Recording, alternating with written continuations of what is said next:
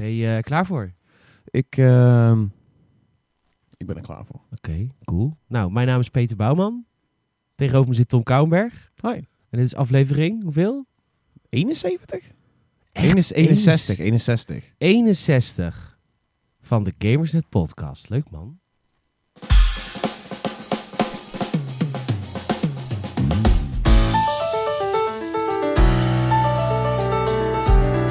We zijn er weer. Jouw weekend eh, kan weer van start. Welkom bij de Gamersnet eh, podcast. Elke vrijdag spreken we de laatste trends der videogames. Dat gaan we ook eh, deze week weer doen. Tom is aangeschoven. En we gaan het druk hebben over... Ja, we gaan het gewoon echt hebben over videogames. Want we hebben heel erg veel gegamed de afgelopen, ja, de afgelopen weken. Tom is aan de slag gegaan met Rage 2. Het embargo is gelift. De review staat online. En we gaan het hier uitgebreid hebben over die game. Eh Total War 3 Kingdoms is ook eh, aanstaande. Die verschijnt pas over een week. Maar eh, gisteren was het embargo al.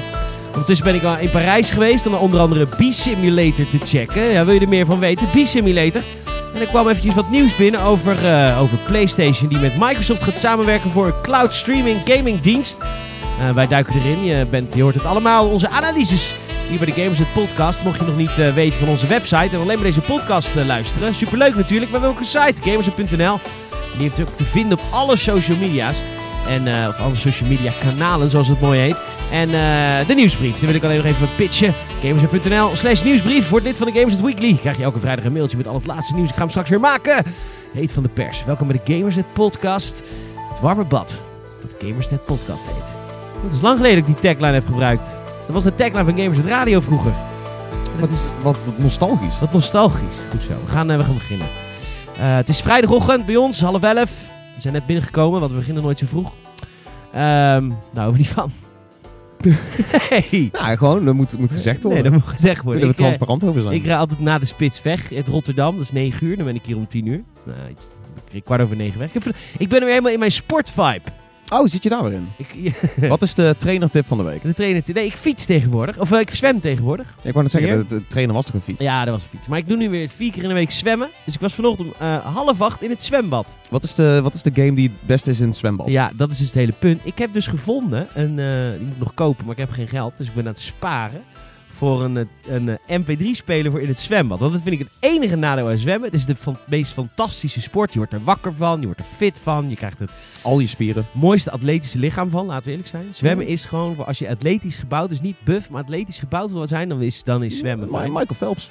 Mike Phelps, ja, gebaseerd op mijn leven. Ja. En, eh, die, eh, dus, maar ik vind het kut dat ik geen podcastjes en muziek kan luisteren. Dus ik zat te zoeken. En ik heb er één gevonden. speler. Een MP3-speler van, van, eh, van Sony. Hij heet ook Walkman, want dat is natuurlijk een, eh, een licensed naam van, eh, van Sony. Gemiste kans om Swimman of zo te noemen. Ja, maar hij is dus niet alleen voor het zwemmen, maar Aquaman. Aquaman, nice. Hij is wel echt voor het zwemmen. In de reclamebeelden zie ik echt mensen ermee zwemmen. Dat zou echt heel fijn zijn. Dan gaat de tijd helemaal snel. Het, het is gewoon een normale MP3-speler in een boterhamzakje, dichtgeknoopt. ja, nee, maar hij ziet er ook wel fancy uit. hoor. Hij is ook echt zwembadgroen Waar stop je hem? In je oren. Oh, het, oh, het is echt alleen Het is alleen- in-ear een soort van... Het is een in-ear ja, ja, ja. En dan moet ik dus, want dat, dat is dus iets waar ik me daarna pas, of waar ik daarna pas bij stil ging staan. Toen dacht ik, oké, dan heb ik straks dus een MP3-speler voor in het zwembad. Maar hoe haal ik mijn podcast dan binnen? Want het is allemaal via Spotify en via iTunes en via... Kun je ergens nog MP3's downloaden? Ja, maar je moet ook, je moet moet ook op Napster die... weer binnenhalen? Wat gebeurt hier? Waarschijnlijk moet je op die oldschool manier, zonder een scherm, moet je je eh, nummers gaan bepalen natuurlijk. Ja, want... dus dat is... Ja, want je hebt Ja, geen scherm of en maar hoe eh. download ik een podcast dan? Kijk, mijn eigen podcast kan ik gewoon 7S. Maar wat kan ik met een externe, met een Pod Save America, Oh, met dat- een Giant Beastcast? Wat moet ik ermee? De, de, de meeste zitten toch wel op Soundcloud. Dus bij Soundcloud kun je, kun je gewoon instellen van ik wil downloaden. In ieder geval, Oh, wij, wij hebben dat aangevinkt van dat het mag ook. Volgens mij kun je het ook uitvinken. Maar volgens mij staat het standaard aan dat, dat eh, de meeste Soundcloud dingen gewoon eh, gedownload kunnen worden. Maar dat ga ik dus straks, als ik heb gespaard, dat kost 89 euro bij bol.com. Dus ik ga even sparen en dan eh, ga ik het ondervinden. Ik zette net de verwarming aan. Ik vind het in één keer tering heet. Wil je hem even uitzetten? ja, sure. Dankjewel. Eh dus nou, leuk dat je luistert. Het gaat hier over meer dan alleen maar eh, sport, eh, sport peripherals. We gaan het natuurlijk hebben over, over videogames. Maar we beginnen altijd met wat we deze week hebben gegamed. En dat is in mijn geval heel interessant. Want ik ben op trip geweest en ik heb een nieuw spel gekocht op mijn PC. Ik heb eerst de code aangevraagd, maar die hadden ze niet meer. Dus ik, ik ga een trip down memory lane doen. Dat klopt, het is een wat oudere titel. Maar we beginnen met Tom. Tom, Wat heb je deze week gegamed? Uh, vooral heel veel Rage 2. En daar mocht ik, uh, mocht ik eindelijk over los. Dus uh, de review staat inmiddels live. video review en, en gameplay video's en alles komt er nog aan. Ja, en als je de game niet wil winnen, maar een tof prijspakket wil winnen... Tom en ik hebben een buggy geraced. Om de sfeer nou, van de game naar te Twee buggies. Tegen elkaar. Niet, niet, niet racen in één. Nee, nee, nee, Maar dat was een stukje een stukje content die we hebben kunnen verkopen aan Bethesda. En uh, dus hebben we lekker geraced. Het was heel leuk, met roze flares. Ja, de flares maakten wel het, uh, het plaatje wel echt af. Ja, dus mocht je die uh, willen winnen, ga even naar games.nl. Nieuwsbrief van afgelopen woensdag. Tom en Peter race in een race rally. Een race rally, mooi. Ja, ja, Damn, race. Kom er nu pas ja. achter. Wat een fuck, man. Ja. Wat een goede woordspeling. Dat was, nou, je gewoon lekkere alliteratie. Hebben jullie trouwens ook de woordspeling van de vorige podcast nog eventjes... dat was de enige reactie die we op Gamers net erop hadden. Was, was een mooie pun. Ghost Recon geloofwaardig. Mooi hè? Ja. Heeft Tom bedacht. Ja, ik zit toch altijd wel te denken van wat, wat, wat kan ik hiermee? Ja, ja, en als ik niet een, uh, een, een, kut woordgrap kan maken in de titel, dan uh, gooi ik wel een of andere super saaie meme in de, in de afbeelding. Oh, die snap ik nooit, want ik kan geen memes. Ik snap je, ze niet. Je spreekt geen meme. Ik spreek geen meme. Je ne sais quoi. Nee. Uh, ik heb gisteren de meme van die bit my, my brother bit my finger gezien. Oh ja, ja, je bent, je bent helemaal bij. ik ben bij. Ja, welkom op het internet, nee, Peter. nee, ik haat, die, ik haat memes. Ik vind memes niet leuk. Maar tenminste, kan je memes haten als je erom moet lachen? Snap ik wel. Maar ik, ik, ik ben niet iemand die daar actief volgt. Dus ik was gisteren 30 Rock aan het kijken. En dan heeft Jenna Maroney, dat is een hoofdrolspeelster, die had opeens nieuwe vrienden. En een van de nieuwe vrienden die ze had was de kid from He Bit My Finger, die dan oh, uh, acht jaar ouder is. Oh, damn. Maar toen, ik snapte de grap niet. Maar Jammer moest er heel erg om lachen. Die zegt van, dat is van die meme. Ik zeg, ik ken toch geen memes? Welke meme? ik ken, mijn laatste meme die ik ken is Bokito. Dat is ook nog eens een Rotterdamse meme. Ja, dat, is, Harambe is was wel de betere aap wat dat betreft. Anywho, uh, dus die memes. Goed, wat Rage 2. We gaan het later uitgebreid over. Heb je nog iets anders gegamed? Uh, een beetje CFT's weer. Uh, die, die arena uitgeprobeerd nou. dat is de Battle Royale? Ja, nou ja, Battle Royale is natuurlijk wel een beetje kort door de bocht. Maar het is de, de competitieve modus. Werkt nog een beetje, een beetje stroef, maar ze zijn aan het verbeteren. Maar uh, wat er uiteindelijk staat is wel leuk. Eerste potje meteen gewonnen, dus uh, wij waren, Echt, wij waren tevreden. Oh, wij als team? Ja, ja want het is, het is alleen maar in, in zeg maar squad verband. Dus het is alleen maar met de grote schepen nog. Dus vier man per team. Uh, maar omdat het allemaal wat traag gaat, heb je best wel vaak dat mensen lieven als je met rando speelt. En dat zelfs complete schepen, weet je al, gedurende de 24 minuten match um, ineens, ineens eruit... Het duurt vast 24 minuten. Ja, ja, het gaat erom wie de meeste punten heeft. Ja, ja, het gaat erom wie de meeste punten heeft. En dat doe je door op te graven, andere mensen te raken, boten te laten zinken, uh, schatten in te leveren. Dat is dan zeg maar, maar de grote Het is helemaal geen Battle Royale, want er gaat geen scheercirkel kleiner worden. Nee, het is wel een cirkel en, en die is wel telkens ergens anders. Maar het is niet alsof die cirkel kleiner wordt. Maar je merkt natuurlijk wel dat na een tijdje ga je natuurlijk aanvoelen van... oh, iedereen gaat nu naar het inleverpunt. Uh, dus dus ja. in die zin heb je wel een beetje die soort van neiging van... oh, we moeten daar naartoe, oh, daar zijn al mensen... of wij moeten daar als eerste zijn om klaar te staan, zeg maar. Ja. Uh, je kunt er best wel wat leuke dingen in doen... maar het werkt nog een beetje, nog een beetje stroef. En ja, 24 minuten is nog steeds wel een soort van commitment. Maar het is wel fijn om, om een modus in CFD's te hebben... die niet, zeg maar, oneindig duurt. Want met CFD's is het heel moeilijk om te zeggen... ik ga heel even spelen. Ja, als, je, als je mensen erbij haalt Ja, ja, ja. En, en, en weet je, je hebt zoiets van, kom we gaan CFT spelen. Dan ben je eenmaal met z'n vieren. Dan weet je, zo'n avontuur, dat, dat, dat draagt dan een beetje door of zo. Dan heb je zoiets van, oh laten we dan ook nog dit doen. En oh, deze persoon heeft nog zin in dat. En oh, we moeten hier nog iets van inleveren. We moeten dat nog doen. En nu heb je iets waar je gewoon van zegt van, oké, één potje, klaar. Eh, dat, dat is fijn om te hebben, maar dat, ja, het moet nog een beetje verfijnd Is worden. de loot fijn? Word je goed beloond? Ehm, het is zo dat je, dat je ervoor wordt beloond in eh, uiteindelijk naar na hoe hoog je eindigt in, in goud voor de, voor de adventure modus van de game. Maar je kunt natuurlijk ook een hele progressie boeken met, met een nieuwe compagnie. Die de, zeg maar van de, ja, de Sea Dogs, die runnen dan die arena. Eh, en als je daarin groeit, dan krijg je natuurlijk wel weer speciale cosmetics en, en speciale wapens en stuff. Dus, ehm, dus ja, is, is, is, is tof, maar dat is wel nog steeds de soort van loot die je zou krijgen bij elk ander aspect in CFT's. Oké, leuk. Verder? Ja, dat was, was een beetje, ja, Rage 2 en vooral hè. Ik heb een game gekocht die ik al heel lang wilde hebben. Maar ik heb het uitgesteld, want ik dacht... Weet je, ik, zei, ik, wil, ik wil weer heel veel dingen beginnen. Maar eigenlijk alles wat ik wil beginnen is ontzettend tijdrovend. En er komen review games aan. Weet je, Kan niet committen. kan niet committen, dat is het. Weet je, anno 1800 is nog zo'n ding die ik wil beginnen. Maar ja, ik weet Ja. gewoon als ik dat begin. Ik wil weer beginnen met Planet Coaster. Ik, heb, Oh ja. ik ben weer in mijn management game vibe. Maar toen dacht ik, ik wil weer een kleine management game. Wat wel gewoon leuk is, maar wat niet te lang duurt. Wat wel lang duurt, maar wat niet te moeilijk is. Two Point Hospital Ja, ik- gekocht, ik- baby! Ik voelde hem al aankomen. Ik had zoiets van, is het omdat we vorige week natuurlijk ook al over hadden? Dus, eh, nou, hij zit al langer een beetje te loomen in mijn... in het achterhoofd. En inderdaad, de studio achter Two Point Hospital is inmiddels gekocht door Sega. Dat hebben we vorige week behandeld in de pod. En ik dacht, ik koop die game gewoon. 30 Heb je- euro. ik vond het duur hoor, 30 euro. Was het 30 euro, krijg je dan al die DLC er ook bij? Nee, dat moet ook nog eens 9 Nou, want euro ze stuk. hadden, ze hadden best wel, ze hadden wat gratis dingen uitgegooid, maar ze hadden ook inderdaad die, die wat echt lompere pakketten. Nou goed, maar niet uit. Ik heb de basisgame nou. Eh, en ik moet zeggen, Two Point Hospital, het is, is het van de makers van Team? Het is, het is Ja, de originele makers van, Oké, van van Team Hospital. Ja. Ja. precies. Two Point Hospital. Het is eigenlijk gewoon een ziekenhuis runnen en bouwen. En dan heb- met allemaal rare ziektes. Hè? Dus niet dat je bloedetterende kankers allemaal moet ver- ver- verhelpen. Want dat zou het allemaal heel erg uh, namaken. Maar Het nee, Britse humor. ja, je hebt de monobrouw en iemand, dat soort shit komt allemaal langs. En eh, mensen die dan een crab als hoofd hebben, zo'n crab uit Half-Life, in plaats van hun echte hoofd. En dan moet je dan weer machine voor bouwen, dat de hoofd vervangen weer wordt door het echte hoofd.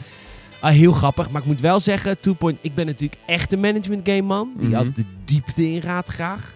Ja, daarvoor is het te oppervlakkig. Het hè? is heel oppervlakkig, Ja, dat, dus dat, dat, is wel leuk. meer mensen. Want ik speel dus samen met Jelm en dan is het heel erg leuk dat je samen gewoon lekker, eh, lekker door kan. En Oh, bang daar nog een kamertje. Ja, precies. Maar het is, ik had wel, als je Planet Coaster gewend bent, dan is het wel, oeh, of nu met Total War Three Kingdoms die ik net heb gereviewd, dan is dit wel, het is wel instappen hoor. Ja, ja, maar dat, dat zie je ook wel een beetje in de stijl of zo. Het is, eh, Ja, maar ja. Planet Coaster ziet er ook koddig uit. Met Ja, ja, is die- ja, maar goed, eh, ook daar in de marketing zie je al dat je, oh, ze zoomen uit en er is zoveel mogelijk. Terwijl, eh, terwijl de trailers van Two Point Hospital waren meer van, eh, haha, grappig. Goed, eh, dus dat is ehm, eh, iets wat ik heb gespeeld. En het is ontzettend leuk, Two Point Hospital. Ik kan niet anders zeggen. Het is puur vermaak. Het is ook leuk om gewoon even niet te bouwen en te kijken. Dat vind ik ook altijd belangrijk in een management game. Dat als je niet bezig bent, dat het ook gewoon leuk is om even Ja, een half uurtje gewoon even rond te kijken, rond te neuzen. Hier, hier een schilderijtje te hangen, daar een plantje te zetten, zodat het weer wat mooier wordt. Het kleinwerk. Het klein gut is ook leuk. Het is echt een super vette verzorgde game. Hij is al tering oud, dus ik vertel iets en jullie weten het waarschijnlijk allemaal al. Maar als je vroeger van Team Hospital hield en je hebt Two Point Hospital gemist. Het is wel 30 euro, maar goed, het is het wel waard. Het is best wel vaak in de Steam Is sale, deze ook toch? eh, door ons gereviewd al? Ja, ja, Soraya heeft hem, heeft hem gereviewd. eh, destijds met video en, en later ook eh, per tekst. Ik zie het, ja. Wat leuk. Wat, wat heeft Soraya hem gegeven? Een 7. Oh, wat is de minpunt? Er oppervlakkig, ja. Wordt Ja. nergens echt moeilijk. Vervelende radio. Ja, Ja, hoe zit het met, met levels? Is dat, is, zijn er veel campaigns die je uit moet spelen? Ja, of is dat het... is het dus. Dus er is, nog, is, is geen zandbak. Ja, ik wou net zeggen, de- de- de- wou- zou dus niet later met de sandbox nog komen of I don't know. Er is nu geen zandbak, dus ik zit nou bij mijn tweede ziekenhuis. Ik kan nou mijn derde gaan openen. En elke keer krijg je weer nieuwe opties. Dus dat, dat voelt wel heel erg als een herhaling van zetten. Omdat elke keer die eerste opties, die moet je natuurlijk elke keer doorlopen. Ja, ja. Ook, ja, elk ziekenhuis moet een receptie. Elk ziekenhuis moet zo'n practitioner's office, weet je. Die, die, dat is de, die gast, de, de, de triage. De gast die zorgt, die, die zegt wat jij hebt en je doorverwijst. De Oh, ja. huisarts. Die moet elk ziekenhuis hebben, weet je. Er zijn een paar ziektes die overal zitten. En dan krijg je je nieuwe shit. Dus dat voelt een beetje als een herhaling van zetten. Dus ik had de zandbakmodus wel heel erg fijn gevonden. Want eh, we zijn er ook... Ja, ik weet niet of dat zo is hoor. Maar wij zijn er ook heel erg goed in. Want ik, je hebt leaderboard messages krijg je van... Oh, jouw Hesselspul is nu dit gereed. ja. Terwijl jouw vriendjes hebben dit. We zitten altijd hoger dan onze vriendjes. Maar dat is misschien Oh. omdat wij langer die levels spelen. Ja, dat zou natuurlijk ook kunnen dat je uiteindelijk gewoon meer tijd hebt om... degene die dan punten- de volgende... Als het volgende ziekenhuis is unlocked, gaan wij niet gelijk naar het volgende ziekenhuis. Ja, oké. eventjes ons eigen ziekenhuis Het is afmaken. geen speedrun. Eh, dus Soraya heeft een 7 gegeven. Ik weet nog niet wat ik het zou geven, maar ik zit ook wel gewoon zoiets. Misschien iets hoger. Maar goed, we gaan het eh, wel zien. Ehm, dus dat heb ik gegamed. En verder heb ik nog een aantal games gespeeld op de Paris Games Week. Waar ik het... Of het Big Ben. Big Ben. Wat is Big Ben? Een, een, een merk, een uitgever, soort van overkoepelende organisatie die aangesloten zit bij best wel wat eh, partijen. Dus eh, correct me if I'm wrong, maar, maar, maar Square hoort een soort van Big Ben? Nee. Zijn gelieerd? Nee, ook niet. Nee. Square doet... Big Ben doet in Nederland Want- de uitgeving van Square Enix. Dat, dat is het inderdaad. maar Maar internationaal hebben ze er geen reet mee te maken. Het scheelt per land wat ze doen. ja, ja, oké. Maar ze Maar. Big Ben is, heeft hun eigen games. Dus ja, daar dat ging ook. het over. Ze- Maar ze, ze kwamen vooral eerst van de peripherals, maar het is nu ook een, eh, een, een game-uitgever met wat kleinere studio's eh, Ja, onder ze zich. zijn bijvoorbeeld WSC, van de WRC-serie, dat is racen, hè? Dat is autootjes. eh, Outcast? Geen idee. Of eh, Outlast, volgens mij, voor, voor Geen idee. In ieder geval komen ze binnenkort met de Sinking City. Ze doen al die Sherlock Holmes games. Maar goed, ze hadden dus eh, de Big Bang Games Week in Parijs. En dat is een week waar ik slechts een dag van aanwezig was. Want eh, ja, zoveel games hebben ze ook niet. En ik heb één spelletje gespeeld dat ik misschien even wil vertellen. Ik heb Paranoia gespeeld. Ken je het spel Paranoia? Dat zegt me niet zo heel veel. Het is een tabletop RPG game. Oh, Waar, tabletop. Ik verstond iets anders. wat dacht je dan? Ik, ik, Iets vies? tabletop. Oh, ja, tabletop. Tabletop RPG. Echt zo'n ouderwetse RPG van vroeger. En het, doet hem, het is echt van boven. Net als bijvoorbeeld een Diablo is. Zo ziet het eruit. Het is van boven, zoals League en Diablo. Alleen het is niet real-time. Of tenminste, je kunt de battles altijd pauzeren. Dus denk aan eh, Dragon Age 1 bijvoorbeeld. Ja. Waar je dan kan uitzoomen met de camera. Dan druk je pauze en is het gepauzeerd. Dan kun je moves maken. Dat kon je later Dragon Je Ages toch ook? Ja, ja, jawel. jawel. Dragon Age Inquisition doe ik dat ook. Maar ik, ik weet dat Dragon Age Inquisition was heel erg populair onder console gamers. Nou Ja, doe je dat niet. ja, dus ik zeg duidelijk. Je kan pauzeren wanneer je wilt. Ja. Perspectief van boven. Eh, en je, dat is echt, het is heel erg grappig. Ik ga het toch even over paranoia hebben. Ik vind het toch zo leuk. De- Oké, de, de, ik, ik moet me er nog over inlezen. Want er is, de schrijver van deze game is bekend. En het, gaat, eh, het is echt gebaseerd op die tabletop games uit de jaren 80. Eh, eh, het is een reimagine. En je zit, de, de- het verhaal van de game is heel leuk. Je hebt een squad van vier en je woont in ehm Alpha Complex. En Oké. Alpha Complex is afgesloten van de buitenwereld. Jij woont in Alpha Complex en er is maar één ding wat jij kent en dat is geluk. Iedereen moet daar gelukkig zijn. En eh, er is één grote computer, de Friend Computer, die zorgt ervoor dat iedereen gelukkig is. En zodra je ongelukkig bent, word jij gestimuleerd weer gelukkig te worden, want ongeluk is iets wat ze niet kennen. Dus dan krijg je weer pillen waardoor je gelukkig wordt. En dan wordt alles in de, in de teken gestaan dat jij gelukkig bent. Fucking dystopisch het dit, is man. heel eh, dystopisch. Eh, Eh, maar mensen die daar wonen kennen ook dus geen bu- buitenwereld. Dus jij woont er, jij kent geen bomen. Jij kent geen dieren. Jij weet niks van is de buitenwereld. hoe is de setting? Is dat een beetje tech-achtig of zo? Ja, een beetje, heel tech ja, absoluut. Maar, en super cartoony, hè? maar inderdaad, de omgevingen zijn tech. Ja. En robotten werken voor je, want ja, je hebt geen zin om zelf schoon te maken, dus robotten Nee, daar zou ik ook ongelukkig van worden. Precies, absoluut. Word ik serieus ook. Eh, en de Friend Computer re-educate mensen die zeg maar overtreden. Zodra je overtreedt, en dat kan bijvoorbeeld zijn, in de game is heel grappig. Dus bijvoorbeeld er loopt een lijn eh, midden op de grond. En die lijn is rood en aan de andere kant is de lijn groen. Maar jij hebt nog maar eh, privileges voor rood. Dan mag je niet over de lijn lopen naar groen, want dan krijg je al strafpunt. Nou goed, en jij, eh, eh, jij, bent, eh, jij bent een troubleshooter en dat is, daar ben je op zoek naar verraders. Dus mensen die niet gelukkig willen zijn en die niet geloven in de friend computer. Eigenlijk ben jij dus een bad guy in de game. Ja, Uiteindelijk ga je natuurlijk zelf ook keuzes maken of jij misschien ook gaat twijfelen aan hoe gelukkig het allemaal is. Oh. Ontzettend gekollig spel, ontzettend leuk verhaal. Eh, ja, je kan het altijd poseren, dus het is wel real-time, maar het lijkt turn-based, want je kan het altijd poseren en het is Ja. soms best wel eh, eh, uitdagend. Ehm, ik hou die game in de gaten. Hij komt ergens nog dit jaar uit. Paranoia, echt super tof. Ik was, ik was echt heel erg van onder de indruk. Ja? En het is een ontzettend nerdy game ook. De- Ook die ontwikkelaars waren mega grote nerd. en als je nou denkt, Peter, deze game ken ik, maar je vertelt dingen er niet bij, want dat, eh, dat, eh, dat, dat, je moet dit en dit nog vertellen. Dat klopt, ik moet er nog een beetje op inlezen, want ik moet de preview nog schrijven. Maar de- ik, dit was gewoon wat ik even wilde vertellen. Ja. Als ik dingen mis waar het op gebaseerd is, want dat heeft hij allemaal wel verteld, moet even opzoeken. Ja, ik ben vooral benieuwd naar, naar het narratief. Is dat dan één verhaal? Want met, als je ja, maar het heeft heel veel keuzes. Ja, ik je komt dus ook... Op een gegeven moment kwamen ons, eh, nadat we een eindbaas hadden verslagen, een, een losgeslagen robot, kwamen we iemand tegen die eh, in het verzet zat. Die, dat was een disbeliever, en niet believer. La Dus Resistance. ja, die was helemaal underground en die moet jij dus eigenlijk opsporen. Maar je kunt ervoor kiezen om te zeggen, oké, ik maak jou niet af.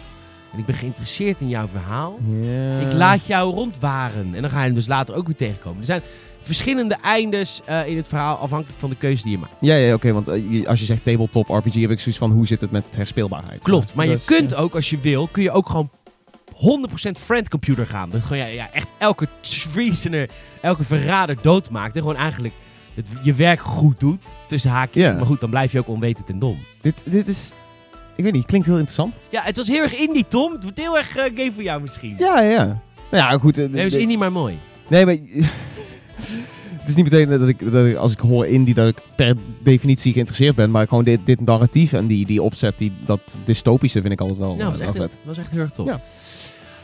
Zullen wij, eh, dit was even tussendoor, zullen wij naar het, eh, we, we hebben eigenlijk niet echt onderwerp, we hebben gewoon games waar we het over gaan hebben. We hebben Ja. Rage 2, we hebben Total War 3 Kings, we hebben Beast Simulator. En we hebben nog een verhaaltje over de streaming services van PlayStation, Xbox, whatever. Zullen we het, nieuws dan eerst out of the way krijgen? Sure, laten we het nieuws doen.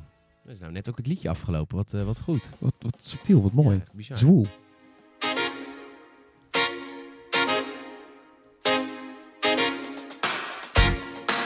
Hey, gast, chick. Wil je altijd op de hoogte blijven van je laatste nieuws van de vriendjes van Gamersnet? Doe je naar gameset.nl slash WhatsApp. Dan kun je lid worden van de WhatsApp service. Maximaal één bericht per dag, maar ik heb de afgelopen tijd niet zoveel berichten verstuurd. Eh, dus je wordt niet gespamd, dat wil ik eigenlijk zeggen. Maar als er echt heet nieuws dropt, dan eh, komt het gewoon in de palm of your hand op je mobiele telefoon. Via de WhatsApp service van gameset.nl. Gameset.nl slash WhatsApp. Nu lid. Alerts aan.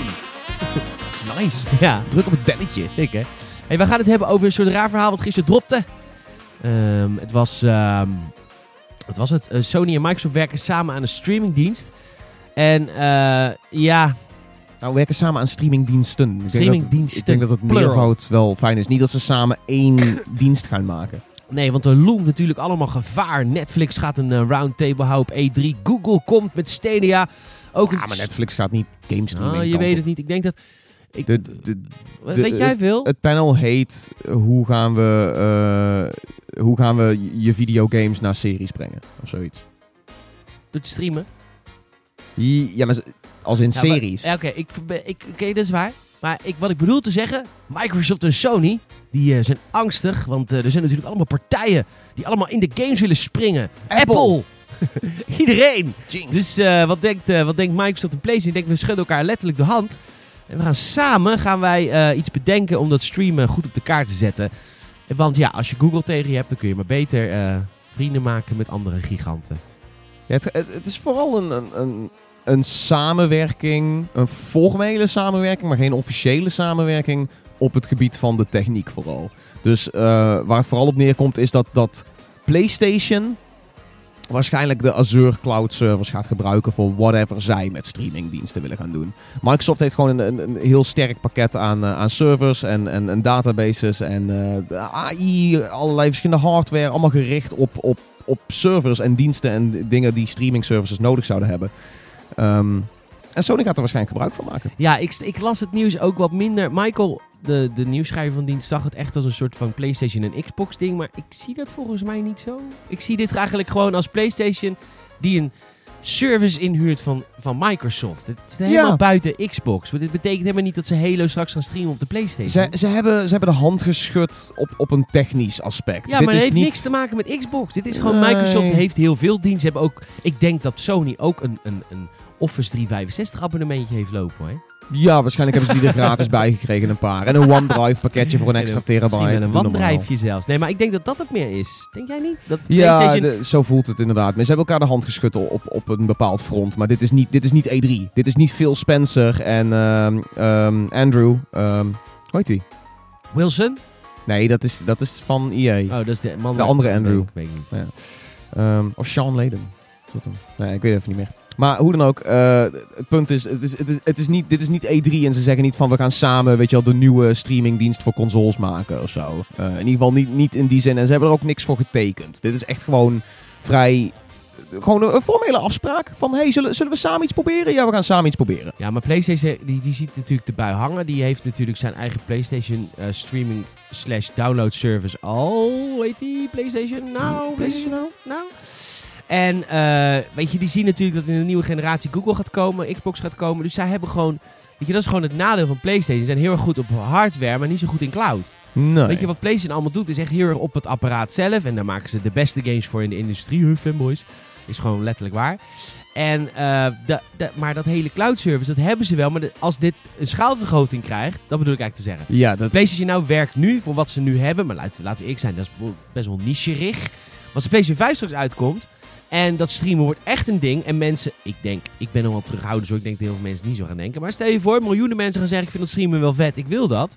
Nou, dan kun je maar beter een goede partner hebben die al die servertjes heeft staan. De techniek, de AI en de whatnot. En dat is Microsoft. Ja, nee, ik zat ook heel erg te denken van oké, Microsoft stapt erop in, een heleboel andere partijen stappen op het streamen, maar, maar Sony heeft ehm, wat dat betreft wat minder vuurkracht. Dat was het Ja. vooral. Dus het was heel erg de vraag van oké, wat gaan zij dan doen om, om dit naar de volgende generatie te brengen of om klaar te zijn voor wat er ook gaat komen. Eh, ja, dat is duidelijk, dus daar daar vragen ze gewoon de hulp van Microsoft voor. Nou, voilà. Er is een, eh, er is een hand geschud. Tussen PlayStation en Xbox. En dat PlayStation, of tussen Sony en Microsoft. En of dit nou heel veel met de, de echte met games merging te maken heeft, dat, eh, dat maakt niet zo uit. Het is voor gamers altijd leuk om te zien dat er handen worden geschud tussen concurrenten. Want dat is de nieuwe tijd. De nieuwe tijd waarin gameplatforms van elkaar houden en elkaar juist versterken. Ja. In plaats van elkaar de tent uitvechten. traantje wegpinken met de Game Awards. Absoluut. En dat, de- we hebben al zoveel gewonnen. We hebben al zo, dit wordt al zo'n goede generatie. De PlayStation 5 en Xbox 2, dat wordt al zo fijn. Weet je, met backwards compatibility, weet je.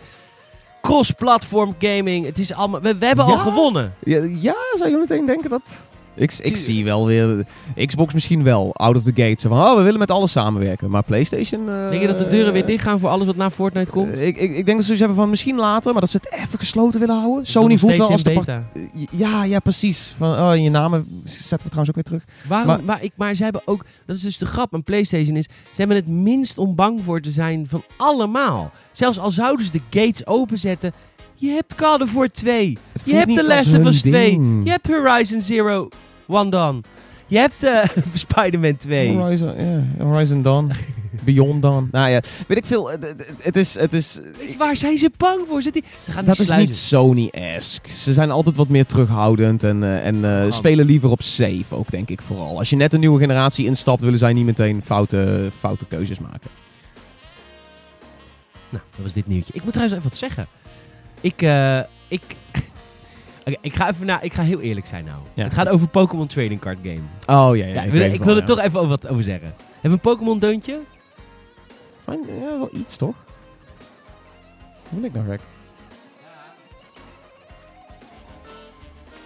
Ik, eh het is heel Pokémon, hè? Ja, ja, ja ik, ik zit meteen in de vibe. Ik ga het ook, zullen we het over de film hebben ook? Zullen we even een Pokémon hoekje doen? Oh, ik heb de film nog niet gezien. Oh.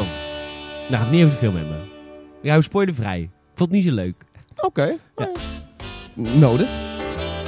Nou goed, ik eh, neem jullie mee naar afgelopen eh, december. En eh, het, eh, de sneeuw dwarrelde naar beneden. Geen vlok sneeuw is niet, maar goed. De sneeuw dwarrelde naar beneden. En ik zat lekker in mijn woning. De open haard stond aan.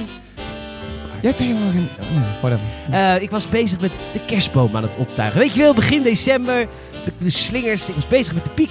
De piek eruit aan het halen. De piek die in mijn geval één grote Master Chief Sword is. Dat is die stel ik net op mijn kerstboom. En de deurbel gaat. De deurbel gaat. Wat leuk. Wie is het? Is het misschien Sinterklaas? Die zegt dat zit je kerstboom vroeg op. In dit belachelijke verhaal. Wat je nu aan het vertellen bent. Dat is heel meta. Maar goed.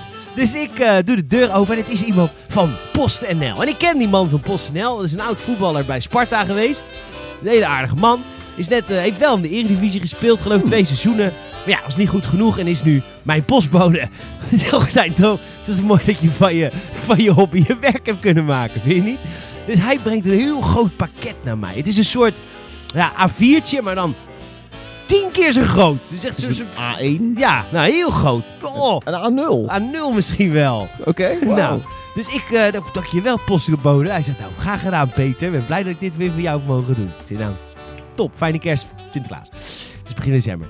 Dus ik maak dat ding open. En wat is het? Het is een adventkalender. Het is een enorme adventkalender van de Pokémon Trading Card Game. En ik dacht, waarom krijg ik nou die enorme adventkalender? Er is dan een, een contract bij. Een contract bij wat ik moest tekenen.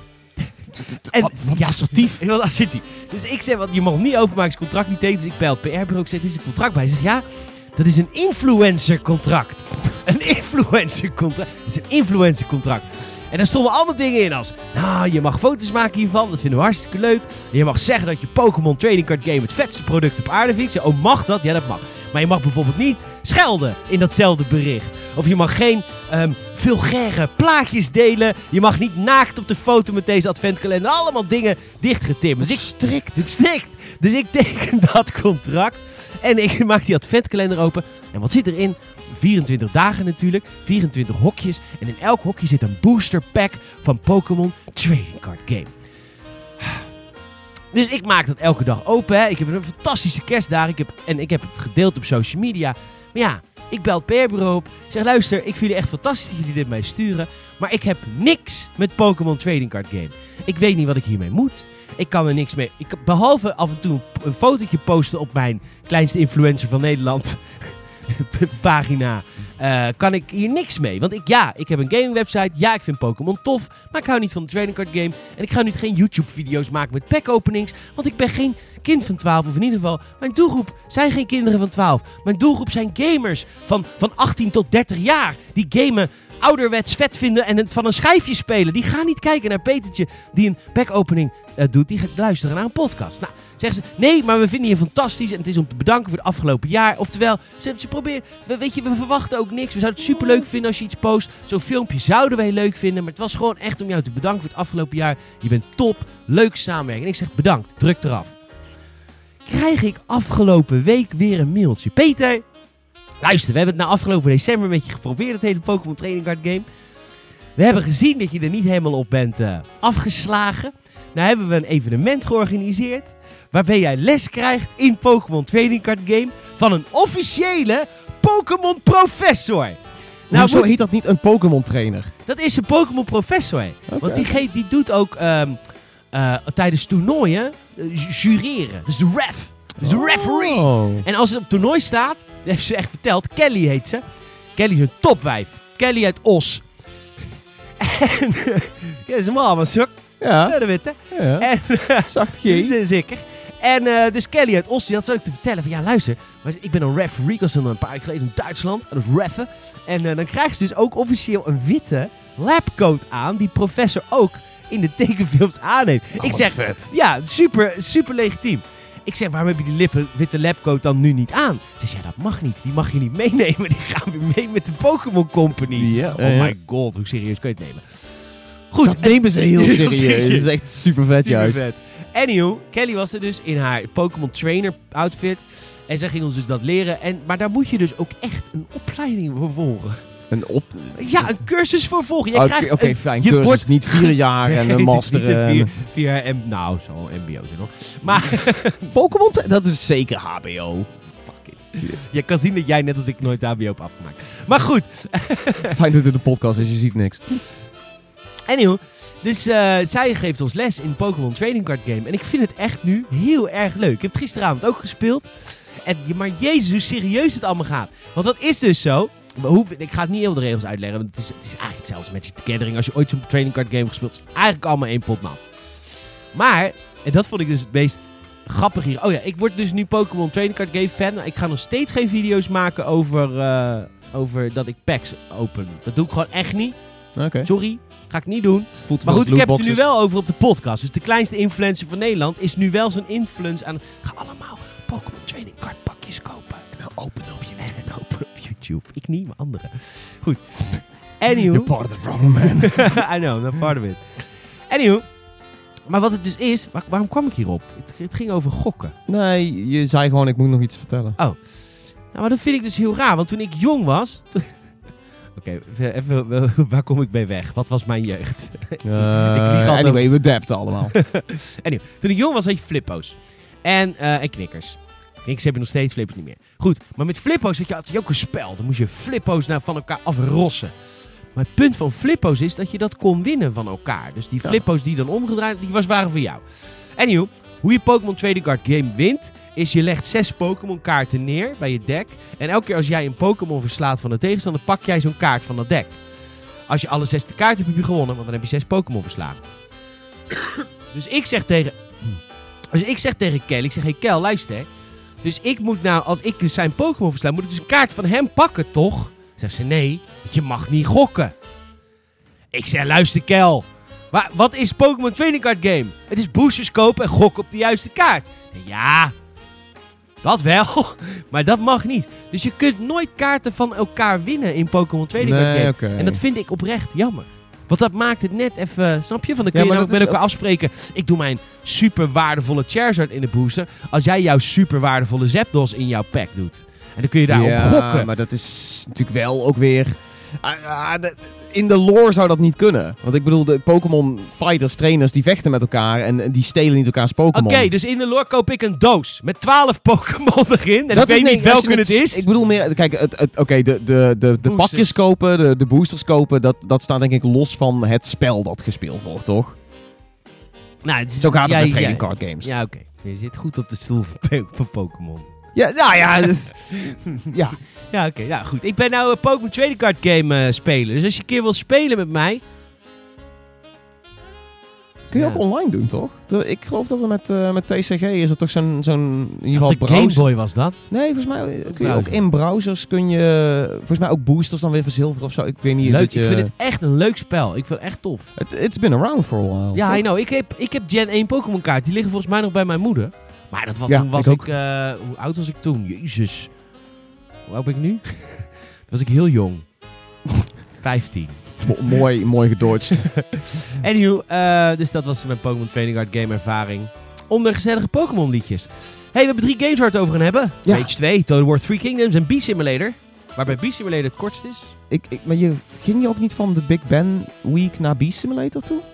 Die was op de Big Ben. Het is een Ja, Big Ben uitgegeven Ik, game. ik, ik ben benieuwd naar Beast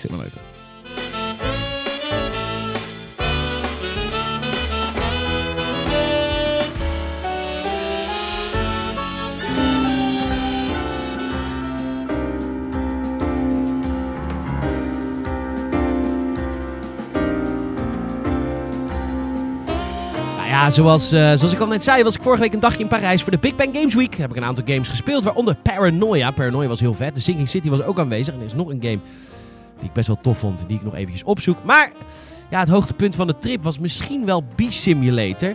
En dat is niet heel zo erg vanwege de game, maar meer Overpass heb ik ook gespeeld. Oké. Dat is trouwens ook grappig. Dat is een game, is een race game waar remmen belangrijker is dan gas geven. Want dat is zo'n race game waar je over rotsen en rare planken. Ja. En daar is het dat officieel een sport ook. Is dat een Het is officieel een Een sport. Je kunt nou, niet, niet- nee, nee, ik bedoel echt met auto's. Dat, je, dat ze auto's hebben, ze een soort terrein, terrein, een soort vuilnisbelt. En dan moet je over allemaal rare obstacles heen rijden. Dat is klinkt over. als trials eigenlijk, maar dan met een ja, auto? maar dan, ja, maar, maar, ja, maar met trouwens zijn de physics toch wel echt lekker makkelijk van links naar rechts. Het is helemaal 3D en moeilijk. Ja, oké. Eh, die game met Overpass komt ook op een preview van binnenkort op Games.nl. Maar het hoogtepunt van de Big Bang Trip was misschien wel B-Simulator. Meer om de manier waarop het launchte en de memes die volgden. Nou ja, Hoezo memes- zijn er zoveel niet? Nee, er waren niet veel memes. Maar het was wel echt zo'n zo'n Goat Simulator aankondiging. Dat iedereen helemaal hyped was van, oh, we gaan een B spelen. Ik heb het idee dat dat een beetje... eh, Dat is ook alweer even geleden. Weet je, hadden we Goat Simulator, kregen we maanden of I am, game. I am Bread. Ja, maar ik bedoel, dat is echt jaren geleden allemaal, die, die simulator hype. I am Bread, toen kwam Maze nog en een boel andere dingen dat je dacht, oké, nu hebben we het wel weer gehad, toch? Is ook. Maar B-Simulator komt eraan en eh Maar dit is, dit is een serieuze game, toch? Dit is niet... niet want Goat Simulator was natuurlijk... eh, doe zes backflips met een, met een fiets aan je tong en fuck de wereld. Klopt. Maar B-Simulator eh, vertelt een verhaal. Namelijk, de bij sterft uit. En ik doe dit een beetje sarcastisch vertellen, maar dat bedoel ik echt niet. Het is gewoon mijn podcaststem. Eh, bij- de bij sterft uit. En dat is echt heel erg. Want als Ja. de bij uitsterft, is de mensheid binnen een week uitgestorven. En ik heb een eh, de kleine documentaire gezien op de BBC. Netjes. Thanks. En dat is echt heel heftig. Maar de bij gaat voorlopig nog niet uitsterven, want de bij verdient de mens geld aan hem met honing. Dus dat, dat is al een incentive om ze niet te laten uitsterven. Maar de bij verdwijnt wel in rap tempo. Weet je, Ja. omdat de meadows, de bloemenvelden in de wereld verdwijnen. Dankzij global warming, dankzij menselijk ingrijpen. En dat is echt een ramp. Want de bij is verantwoordelijk voor 90% van het voedsel wat wij eten, direct of indirect. Omdat hij met zijn, dat zo geil, zijn stuifmeel verspreidt via pollen. Ja, Ja. botertje geel op Ja. het moment. Vind ik ook. En eh, dus, eh, dus het is een maatschappelijk verantwoord ondernemen game. Want het is echt, het wil wat zeggen van luister, de bij sterft uit. Nu heb ik met de developer zelf gesproken. Die man is hilarisch. Mhm. Een Poolse man, waar ik de naam van kwijt ben. Maar ik heb samen met hem de game gespeeld. Hij is van Varsoft Studio. Hij wil niet belerend overkomen, maar het is wel, dat is zeg maar het doel van de game. En ik vind het een keer goed. Ik vind het een goed maatschappelijk verantwoord idee achter Ja, dit spel. er zit, een, er zit een message in. Dat is wel fijn. Een Wessips of een message? Ik vond hem vergezocht. Oké. Ja, ja, ik, ik, eh, ik weet niet. Ik, eh, ik, heb, ik heb er laatst toevallig ook over gelezen, ja. Eh, bijen zijn belangrijk. Dus, Bijen zijn er wordt- belangrijk. heel veel incentive voor opgegooid. Insective? Ja. Goed. Nee, ja, Eh, nou, ik- goed, ik, ik, zweer, ik zweer, man. Er zijn allemaal, er zijn allemaal campagnes over, eh, over bijen. Is leuk, Ja, is klopt, Ik, is ik waar, vind, ik vind dat mooi. Eh, maar, hoe is de game? Is, Ja. is, het, is het een beetje komen interessante dus, daar gameplay? komen dus, daar komen dus aan. Er zijn een aantal dingen interessant aan de game. Er zijn een aantal dingen die me een beetje tegenvallen aan de game. Eerst wat ik een beetje jammer vind aan de game is dat ik toen ik hoorde B-Simulator, toen ging mijn management game, micromanagement hart ging kloppen. Ik dacht, oh my god, ik krijg een Anno, ik krijg een Planet Coaster in Games. Nog een beehive Dat ik mijn plaatsen. honinggraden en mijn hele mijn bijenkolonie moet gaan runnen. Maar dat is dus niet waar. Je kruipt in de huid van één bij. Laten we er Maya noemen. Voor het gemak. En die bij eh, die gaat allemaal avonturen beleven in Central Park. Ze hebben voor deze game hebben ze een kwart van Central Park nagemaakt. En dat is veel, hè, want een bij is centimeter groot. En dan is echt. Ik ben, van, ik ben oprecht vorig jaar september heel Central Park doorgelopen. Dat is al ver. Kun je nagaan als je een bij bent. Dat is nog eh, veel verder. Ja. En, eh, Je kan vliegen. ja, je kan dus vliegen vrij in de wereld. Voelt een beetje als, ja, gewoon elke vlieggame. Wat kun je... Anthem. Ja, nee, ik heb Anthem niet gespeeld. Eh, en er zijn, dus dus dat, is, dat ziet er heel vet uit. En de, de, diersoorten zien er vet uit. Ze hebben 32 diersoorten gemaakt. Eh, ik ging op een gegeven moment vooral ook naast een sprinkhaan. Ik heb in mijn leven meermaals sprinkhanen gegeten. Ik weet, die zag er echt heel realistisch uit. Vet. Eh, dat hebben ze hartstikke goed gedaan. En er zijn ook een aantal echte dieren aanwezig, of grote mensendieren. Want ze hebben ook de dierentuin in eh, Central Park hebben ze nagebouwd. Oh, oké. Er zijn een paar grote dieren. Dan Dus zie je ook de dieren waar je impact op hebt. Ja. De organismes waar jij als bij indirect of direct aan bijdraagt. Ja, en de mens is natuurlijk, eh, is natuurlijk ook aanwezig. Die proberen je allemaal dood te slaan. Ja, I guess. Dat heb ik nog niet gedaan. Dat, dat, ja, kijk, dat is dus... En nu komen we een beetje bij het minpunt. Dus dat is allemaal, dat is allemaal leuk. Dus het ziet er allemaal fucking mooi uit. Komt in 4K, niet op Switch, maar op de andere consoles komt het 4K uit. Weet je, hartstikke goed. Ziet echt goed uit. Alleen, de gameplay is een beetje saai. Kijk, dit had ik nou leuk gevonden, want ik had ik nog niet bedacht. Maar dat je dan eh, mensenhanden moet ontwijken of zo, onderweg Ja. naar een blikje cola. Het, het, het Maar- is, het, is, zo, het klinkt alsof het een hele statische game is. Ze hebben vier gameplay elementjes. Gameplay element 1, pollen verzamelen. Cool. Ja, maar goed, je krijgt, een- je krijgt een soort B-vision. B-vision. Zie je waar je vijand naartoe gaat. Nee, maar dan zie je, nee, de zie je juiste... dus verschil- in ultraviolet zie je dus verschillende pollen. En de ene keer moet je die pollen Oh, dit is ook zeg maar wetenschappelijk soort van ondersteund. Hebben, hebben bijen dat soort krachten echt? Ik noemde het Eagle Vision van Assassin's Creed. En die guy zei, ja, ja, ja, sure. Oké, ja. Dus Nee, dus het klinkt niet alsof ze dan ook daadwerkelijk een lijntje hebben gelegd met de wetenschap. Nee. Oké. Goed, dus dat is gameplay 1. Gameplay 2 is vechten. Het vechtsysteem is wel leuk. We hebben ze nagemaakt voor Honor. Hij zei dus de eerste in de Dus je hebt een ontwikkelperiode... zwaard of een zeis Nee, nee, nee. Bij For bijl. Honor, voor de mensen die het niet weten, For Honor heb je een aanvallende kant en een verdedigende kant. En je moet de, de, de, de richting van je stick moet je doen op de richting dat je aanvaller is, zodat je hem op de goede plek verdedigt. Dat is best complex en dat maakt dat is ook de leuke gameplay van For Honor. Dus ik zei tegen hem, Guy, dit is gewoon For Honor. Toen zei hij, gast, deze game is al bijna een jaar in ontwikkeling. Je bent de eerste die nu zegt waar dit is op gebaseerd. Dit is namelijk gebaseerd For Honor. Hij gaf het toe. Ah. Super vet. Dus je hebt dan, komt de wesp waar ik tegen moest strijden, die valt dan naar boven aan. En dan moet je ook die stick naar boven doen, zodat je kan Ja, blokken. ja. Et cetera. Dus het tweede ding. Mag het blokken bij je? Ja, blokt ook. En dan kun je daarna aanvallen. Ja, oké. Je blokt een soort van, ja, weet ik veel. Wat, wat is de aanval van een bij? Gewoon de- met, je, met je hoofd tegenaan beuken. Dat is gewoon de aanval van een bij. Ja, Want ze mogen niet steken met de angel, toch? Want dan sterven dan zijn ze dood. Ja. Ja, dan is game over. Dat zou wel een vet gameplay evenement Ja, zijn. Dat is je fatality. Ja, precies. Een x-ray. Ziet hoe zeg maar jouw angel in zo'n wesp praat. Heel vet zijn. En dan zelf ook. Ja. Maar goed. Die twee gameplay elementen heb ik gespeeld. Pollen verzamelen. oeh, Ja, leuk. Maar hoe lang is dat leuk? Hoe, Het is heel leuk om door, door Central Park rond te vliegen. Dat oprecht. Ziet er vet uit. Leuk. Maar ik vraag me af. Is het leuker dan een uurtje? Is dat leuker dan... Ja, ik zit te denken... Kijk, het is natuurlijk wel een heel ander ding. Maar Goat Simulator was ook leuk voor drie, Ja, maar dat vier ging uur. en daarna... ragdolls. Ja, ja, maar ik bedoel, dat, eh, weet je, er zijn gewoon heel veel van dat soort games die gewoon kleine ervaringen zijn. Hoe duur moet dit gaan worden? Weet ik niet. Niet gevraagd. Dom? Ja, is dom. Maar Ja, hij is wel te pre-order lijkt me toch ergens. ja, I don't know, Nee. misschien is hij... is Ja, het tweede wat ik heb mogen spelen is het vechten. Het vechten is echt heel erg leuk. Alleen, ja, hoe lang? Nou, dan komen er nog twee gameplay elementjes. Dat is dansen. Oké. Oh, als Dat- een paringsdans? Know. Hij zei dus echt zo'n Just Dance-achtig... eh, nee, niet Just Dance. Weet je, van die DDR. Dance DDR. Dat je zeg maar op het juiste moment, ja, eh, dingetjes moet doen. Ja. En dansen, whatever. En races. Maar die races waren nog niet af. Die zijn nog in ontwikkeling. Oh, het zou ook wel juist de snelheid van dat vliegen Ja. zou tof kunnen zijn. Zou tof kunnen zijn. Ja. Dus het was leuk. Het zag goed uit. Supermooi doel. Leuk verhaal erachter. Dat, is, dat zeg ik nu dubbel. Eh, dus leuk. dat Hebben zij 32 ook iets is. wat ze officieel ondersteunen?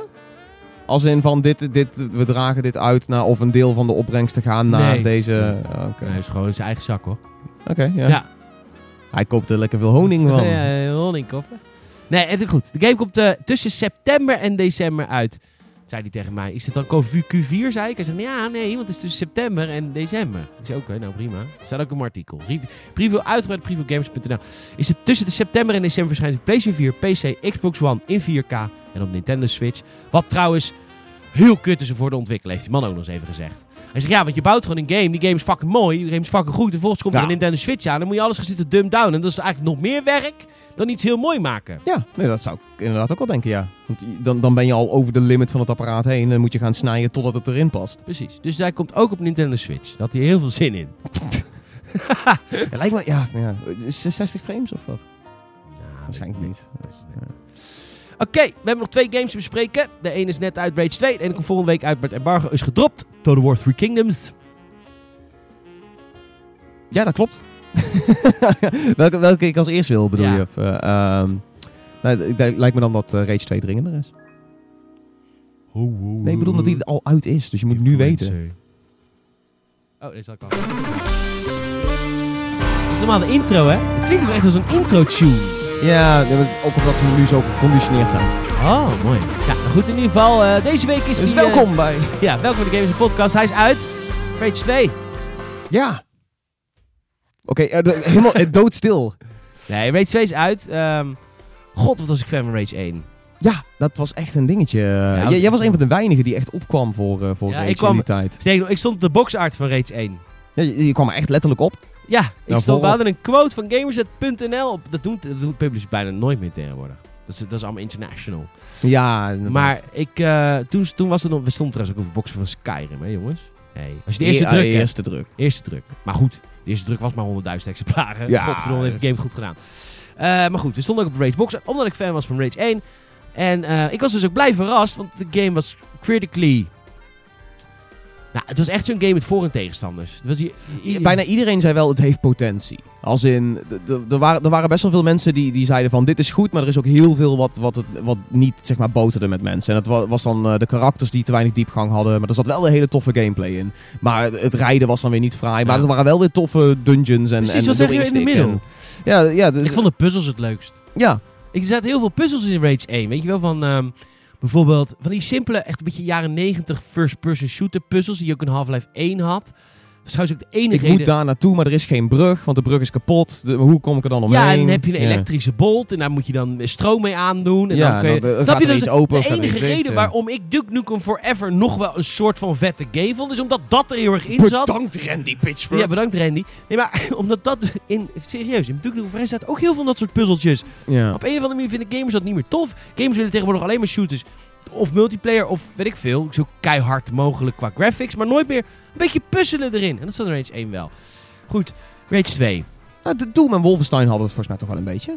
Ja, Wolfenstein wel een beetje. Ja, ja. Doom niet zo, hoor. Nee, Toen Doom- was het wel echt ouderwets. Ik heb een blauwe sleutel, dus ik moet nou weer een blauwe deur zoeken. Ja, maar er waren wel wat collectibles waar je wat moeilijker know, van maar moest ik denken, vond, bedoel, dat, dat vond ik een reden waarom ik Doom... Niet, super, dat is dus super mooi, grafisch, keiharde game. Maar ik vind het verder, de, de gameplay, ja sorry, dan vind ik Wolfenstein interessanter als ik af en toe een ander suit aan kan. Of af en toe, weet je, snap je wat ik bedoel? Ja, oké, die snap ik wel. Zei ik heel Limburgs. Zei- eh, Weet je wat Dat ik ik, bedoel? dat snap je wat ik bedoel. Zeker. Ja, streek. Ehm, Goed, het is mooi. Als mensen Limburgs praten, denk je, ze stellen altijd een vraag. denk je, ja, oké. Waarom? Oké. Ja. nee, I don't know.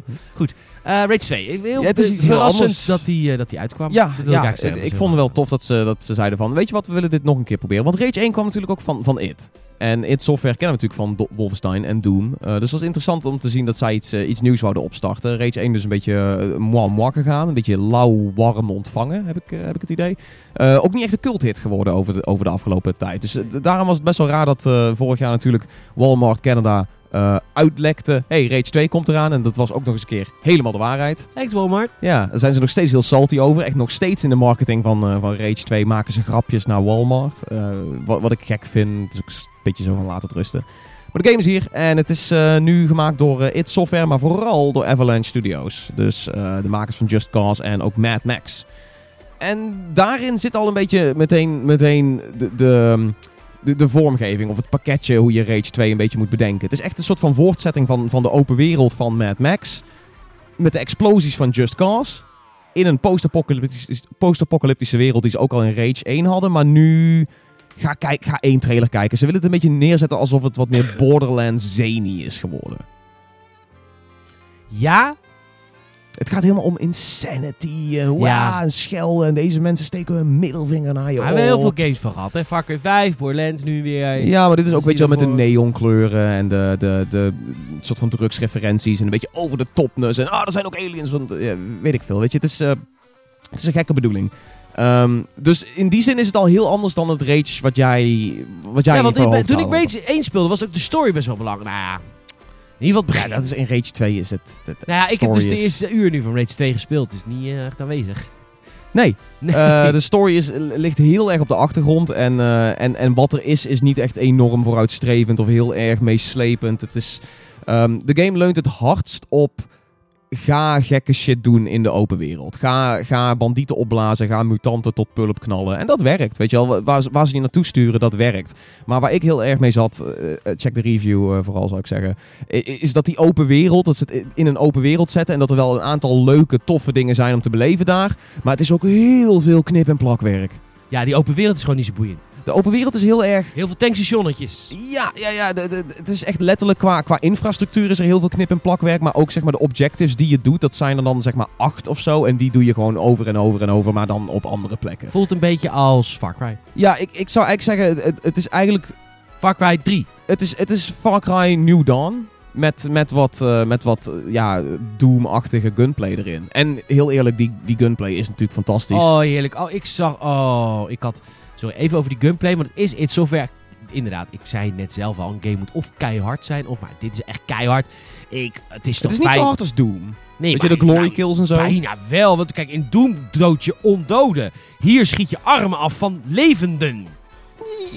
Ja, maar die levenden zijn gek en ze krijgen niet echt... een- Je hebt nul, emo- nul, nul emotionele binding Nee, met dat is- iemand in die dat wereld. is waar. Maar ik bedoel, ik vind het toch wel hard dat je een levend iemand de armen afschiet ten Ja, opzichte of van een ook ondode mutants. duivel. Eh, ja, ja oké, in die zin zou je het kunnen zeggen. Maar die ondode duivel, weet je, dan eh, du- duwde je je hand door zijn strottenhoofd en Nee, dat jankte ze zijn longen weer terug uit zijn ogen of zo, weet ik veel. En hier is het gewoon, je knalt er iets van af. Dus. Dat is waar. En zij willen jou Eh, ook dood hebben, dus. Ja, je je. wingstick is terug. Dat is heel leuk. Kun je mee eh, de, de Dat ledematen vond ik ontleden. heel tam in Rage 2. Huh? Ja, het werkt als een soort van grenade. Je, je hebt er ook acht van als je wil. En dan, en dan af en toe dan gooi je hem. En je kunt hem een klein beetje upgraden, maar dat gaat vrij langzaam. Oké. Ze lieten mij in de preview-versie story zien. Weet je, in de preview-versie krijg je de beste de- stukken van de game zien. Ze lieten een stukje story zien dat je als een soort moest acteren in een spelshow. Vond ik Ja. heel sfeervol. Hoeveel van dat soort missies... Oké, zo ik zal het beter uitleggen voor de mensen die luisteren. Je werd in een soort spelshow gezet met echt een host. Je moest ook echt een contract ondertekenen die belachelijk was. En er waren allemaal lackeys die, waren, die werkten voor de, de, de showhost. En jij moest in een soort van studio moest je het gevecht aan met allemaal monsters. Bash TV. Dankjewel, Mutant Bash TV. Dat, sorry, ik vind dat meer dan eh, matige content. Ik vind dat heel leuk bedacht. Ik dacht toen, ook in die preview, als dit de hele game is, je ziet allemaal van dit soort, soort van grappige verwijzingen, vind ik het heel erg leuk. Zit dat er heel veel in of kreeg ik een van de drie voorbeelden te zien? Je hebt een van de drie voorbeelden gezien. je voilà, hebt, eh, je hebt, eh, dat, dat zit waarschijnlijk in je eerste twee uur gameplay heb je dat stuk. Eh, en je hebt meerdere van die arena's, maar het is maar één keer krijg je het een beetje met die story. Ja, want dat kreeg ik een beetje Fallout-esque idee. Snap je wat ik bedoel? Dat Ja. echt zo, dat de gekken zijn opgestaan en, en, en ja, die, heersen die, nu. die gekken die zijn er echt letterlijk vijf of zo, denk ik. Jammer. En, en, ze zijn niet heel erg diepgaand. Weet je, hoe ze, hoe ze de story uitfaseren is echt... eh, je moet drie mensen gaan verzamelen. En voor elk moet je dan een, een missie doen. En oh, dan ben ik nu je vriendje. Dan opent er een tech tree van die persoon. Met je skill tree waar je, waar je punten in eh, kan gaan investeren. Eén van de twaalf verschillende currencies die er, eh, die er zijn in de game. En, en voor je het weet is het zo van... Je moet nu level 5 met alle drie van die kerels hebben. Kun je weer een stukje verder. En dan nog iets verder. En dan en is hoe het is het het verder gaan dan? Krijg je vette wapens? Krijg je vette upgrades? de, de, de, de, de wapens en de upgrades zijn tof. Die, die, die zijn best wel solide. Maar die liggen gewoon in de open wereld. Die kun, Oh, daar, kun je, daar kun je naar een, eh, kun je, weet ik veel, een, eh, een, een kaart van opzoeken op het internet. En zeggen, oké, daar liggen alle toffe arcs. En dan, dan open je die. Oh en ja, die arcs, dat zijn natuurlijk de, de je, ja, soort van. Maar het is letterlijk, je loopt erin, je pakt het wapen en dan is het... Er zit ook je- een eindbaas voor, vaak. Nee, nee Ah. gewoon wat, wat, eh, wat gespuis vaak. en, en die, die je dan af, dan ga je, de, ga je de arc in, krijg je één dingetje. Dan zijn er weer wat nieuwe gespand en dan is het klaar, zeg maar. Ehm, maar die, die liggen in de open wereld. En dat, is, dat, is, eh, dat zijn de tofste dingen in de game die je kunt krijgen. Dus de krachten, weet je wel, de ranger abilities. Daar zitten, weet je, je kunt de singularity kun je oproepen. Dus een soort van zwart gat, daar jenk je wat mensen in. God, gooi je er nog een granaat achteraan. Steek je ze in de fik met een gun die je daarvoor hebt en zo. Super vet, dat gedeelte. En daar, daar ligt heel veel om een zeg maar, toffe beeld te maken. Maar het meeste van de tijd ben je... ehm, een soort van busy work aan het doen voor je zoveelste currency. En die zijn er dan heel veel. Wat En doen al die verschillende currencies Die, dan? die investeer je in allerlei verschillende skill trees. Maar die skill Oh. trees zijn Heel Borderlandsy. Tenminste, als nou, je heel veel skilltrees hebt. z- Ze zijn niet zo. De, de, de dingen die je er unlockt zijn zelden echt, echt exciting. Het is heel vaak zo van: oh, eh, plus 10 damage voor kogels. Plus 10 damage voor eh, explosives. eh, min 10 damage voor als mensen explosives op mij gooien. Ik kan iets hoger springen. Eh, het, zijn, het zijn van dat soort dingetjes. En zelden had ik echt zoiets zo van dat, je, dat ik een pad zag in de skill trees. Ik dacht, oh, als ik dit en dit combineer, dan heb ik echt iets super vets. Ik denk dat die, die combinaties zijn er wel. Maar de skill trees zijn heel erg onverzorgd en zitten een beetje weggestopt in allerlei minuutjes die je ook weer uit de actie halen. Dat ik gewoon heel vaak zoiets had van, nu ben je gewoon de toffe gunplay aan het vertragen. Ik, ik wil gewoon door met een, met een tof lang gevecht. En er zijn een heleboel lange gevechten, vooral in de verhalende missies. Maar vooral zijn het gewoon, weet je wel, je zoveelste tankstation waar je 20 mensen neerschiet. Ze ook respawn elke keer? in- Nee, Oh. dus er, res- respawnt wel wat. Maar op een gegeven moment vinken ze natuurlijk gewoon de locatie af. Dus kun je er gewoon langs blijven chasen. Want ja, dan rij je gewoon lekker door. Draai is toch wel leuk? Het rijden is wel oké, maar... ehm, Is vliegen leuk? Heb je de vliegmachine al? ik heb... de- ja, ja, ja. dat is wel eh, oprecht leuker, toch? Weet je, er, zit- geen combat in de, op die Nee, vliegmachine. maar dan kun je wel een beetje een mooie omgeving zien. Hier Ja, sneller de van A naar B. Ja, ja, soms wel. Maar de- de- het punt is dat het hele van A naar B reizen vind ik gewoon niet zo heel interessant. Nee. Dat, ik heb al zoveel een beetje open werelden open wereld moe allemaal, hè? Ja, maar dit is ook niet een open wereld waarin heel veel engaging stuff gebeurt. Weet je, Nee. zodra je op de map gaat kijken en je ziet al die icoontjes, heb je zoiets van, oh, ik snap hoe dit spel is. Ik, is het safe to assume dat eigenlijk Breath of the Wild, Red Dead Redemption 2 GTA. en GTA de open wereld games hebben verpest voor de rest? Ehm, Dus zelfs een Watch Dogs 2, wat gewoon echt best wel een goede game vond ik. En ook critically acclaimed ook best wel een redelijk goede game was. ja, en de latere twee Assassin's Creed. Eh, ja, maar of The Witcher 3. Ja. Maar is het niet dat heel veel van dat soort games toch ook wel een soort van lijden, de nieuwere open wereld games lijden onder zoveel innovatie vanaf andere kanten, dat je gewoon niet meer wegkomt met dat hele Far Cry 3, Assassin's Creed 4. Ik, ik noem het het. Ubisoft-syndroom. Ja goed, Ubisoft leert daar ook van. Ja, Ubisoft heeft ook, weet je wel, Odyssey schijnt een hele goede open wereld Ja. te zijn weer. Ehm, Nou, maar maar er, is, er is, een, er is zo'n tendens geweest dat alles moest ineens een open wereld hebben voor, voor de sake of ja, een open en toen wereld. zijn allemaal studios gaan ontwikkelen en we komen nog steeds komen daar games van uit waarvan je nu zo... Ik had het zelfs, ik had het met Far Cry 5 ook. Terwijl Far Cry 5 stond bij mij in de sterren als de game die ik moest spelen. Want ik ben werkelijk, vraag het al mijn vrienden, ik ben gek op rural Amerika. Als Ja. mensen, ik heb vorig jaar een roadtrip gedaan, ik ben in New York geweest, ik ben in Boston geweest. Als mensen mij mijn hoogtepunt vragen, zeg ik rural Pennsylvania. Dat Ja. vond ik het vetste. Hoe gek die mensen daar ook zijn, hoe ik het ook niet met ze eens ben. Maar het is fantastisch. En toch vond ik Far Cry 5 te veel. Altijd het hele Ja, je had wel de, van... de, de prepper stashes waren leuk. ja, dat is waar. Dat de En, proces eh, leuk. en je kon wat toffe dingen unlocken en zo. En ook met New Dawn heb je nog een kampje waar je allerlei dingen in kan Ja, dat is waar. Dat heeft Raids niet eens. Dat bedoel je. Ja, dat, dat heb je niet. Je hebt die skill trees. En die zijn gewoon zelden dat ik denk, wauw, wat een toffe ability die ik hier nu heb. Er Er staat een aantal gaven tussen, maar er zijn iets van... Je hebt skill trees voor je wapens, je hebt skill trees voor eh, je abilities, voor eh, abilities maar dan nog een keer met dan een andere soort van draai erin. Eh, je hebt skill trees voor je tech, voor je vehicles. Er is één vehicle, dat is best wel leuk. Er, er is er eentje die tegen je praat en die kun je ook upgraden met echt een ejector seat. En dat ik denk van, oké, dat is, dat is toffe shit. soort kit. Ja, ja, ja. Knight ja, Rider. Dat ik niet ken, want toen was ik, die, was ik nog niet geboren. Nee, precies. Eh, ik ook nog niet. maar eh, nee, er, zit, zitten wel wat toffe dingen in. Man, Rage heeft een aantal echt hele goede punten going for it. Maar gewoon zoveel om, om je er ook weer uit te halen. Dat is het vooral. Dat is het ook. En het staat in zo'n schril contrast met hoe de marketing was van die game. De marketing was echt insanity en kijk al deze gekke shit. Maar ook, weet je wel, wat jij hebt gespeeld is dan net die ene toffe missie. En, en die wordt dan weer opgevolgd door vier uur eh, de zoveelste eh mu mutantennest uitroeien of zo, weet je wel. Het is... Ik, ik, weet dat ik, ik weet dat ik heel negatief klink en, en ik wil het ook ergens wel een beetje downplayen. downplayen. 7,5 Ja, ik wil het downplayen, want- het schieten. Het, het, het schiet enorm lekker. En als je zo'n high hebt of een leuke verhaalmissie waarin allerlei gekke shit gebeurt, dan, dan is het ook gewoon super mooi. En ehm, weet je, het draait goed. En uiteindelijk is er best wel wat mogelijk. En als jij gewoon een, een, een shooter wil, open wereld met veel gameplay, krijg je het wel. Maar ik wil meer puzzeltjes. Zitten er geen puzzeltjes in? Er zitten een paar ehm, soort van raadseltjes in, maximaal zou ik het zo noemen. Maar het is zelden dat je echt een puzzel oplost.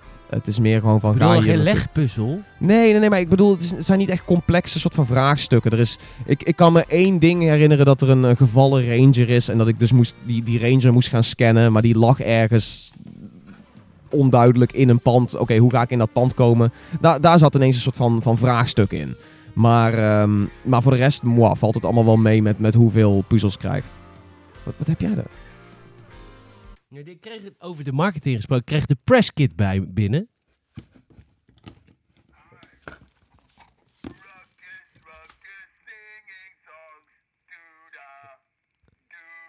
Ja, dit gaat hij afspelen als je de doos opent. Is, dit, is dat dit, deze karakter erin? Eh, die stem zegt me niet heel veel. We hebben nou, er zit allemaal, dit is over, over de marketing wat je dan krijgt. Even dat kan ik jullie een insider geven. We doen even een unboxing hier op Ja, de podcast. ja, ik- er ik zitten maar het twee niet. dingen in hoor. Er zitten maar twee dingen. Dus Oké. doe maar heel even. Ik was gewoon benieuwd. Het is een, eh, een roze tasje. Een, Nee. een Rage 2 tasje. Roze tasje en ik heb hier iets opblaasbaars. Dit is een, een stoffen shopper. Het is een stoffen shopper. Het is heel hipster voor Rage. Eh, Met nou, neonkleuren in het, Het in het eh, iconische roze. Nou goed, hartstikke leuk Rage. Ik eh, ben ermee begonnen. Ik weet niet of ik hem ga uitspelen. Ik, eh, Maar jij eh, bent er nog mee bezig. Dat is positief. Nee, nee, nee. Ik ben, ik ben ook wel klaar mee. Ik, ik, ik, ik bedoel, ik heb hem uitgespeeld voor de review en ik heb nog wat... Uitgespeeld echt. Ja, dat, dat kost je een uur of... Ik, ik wil zeggen acht, maar als je alles erbij optelt, omdat je ook nog weer de open wereld in moet om standing te verhogen en meer currency en een beetje, een beetje je power trip te krijgen, zou ik zeggen dat je met, met 10, 12 uur kun je er klaar mee zijn. Oh. Ja. Ah, moet je doorhalen. Ja. Voor jou. ja, ja. Ja. cool. Dankjewel Tom voor je review. 7,5. Over die andere 7,5 van deze week gesproken. Total War, Er komt er nog één aan. ja, Total War 3 Kingdoms. Nee, nog één. Wat ben jij mee bezig nu? Nee, nee, nee. Er is, er is een, er is een 7,5 volgens mij van, van iets die, wat eh, 12 uur voor- vandaag verschijnt. Ah. Ja. Iets met racen. Oh.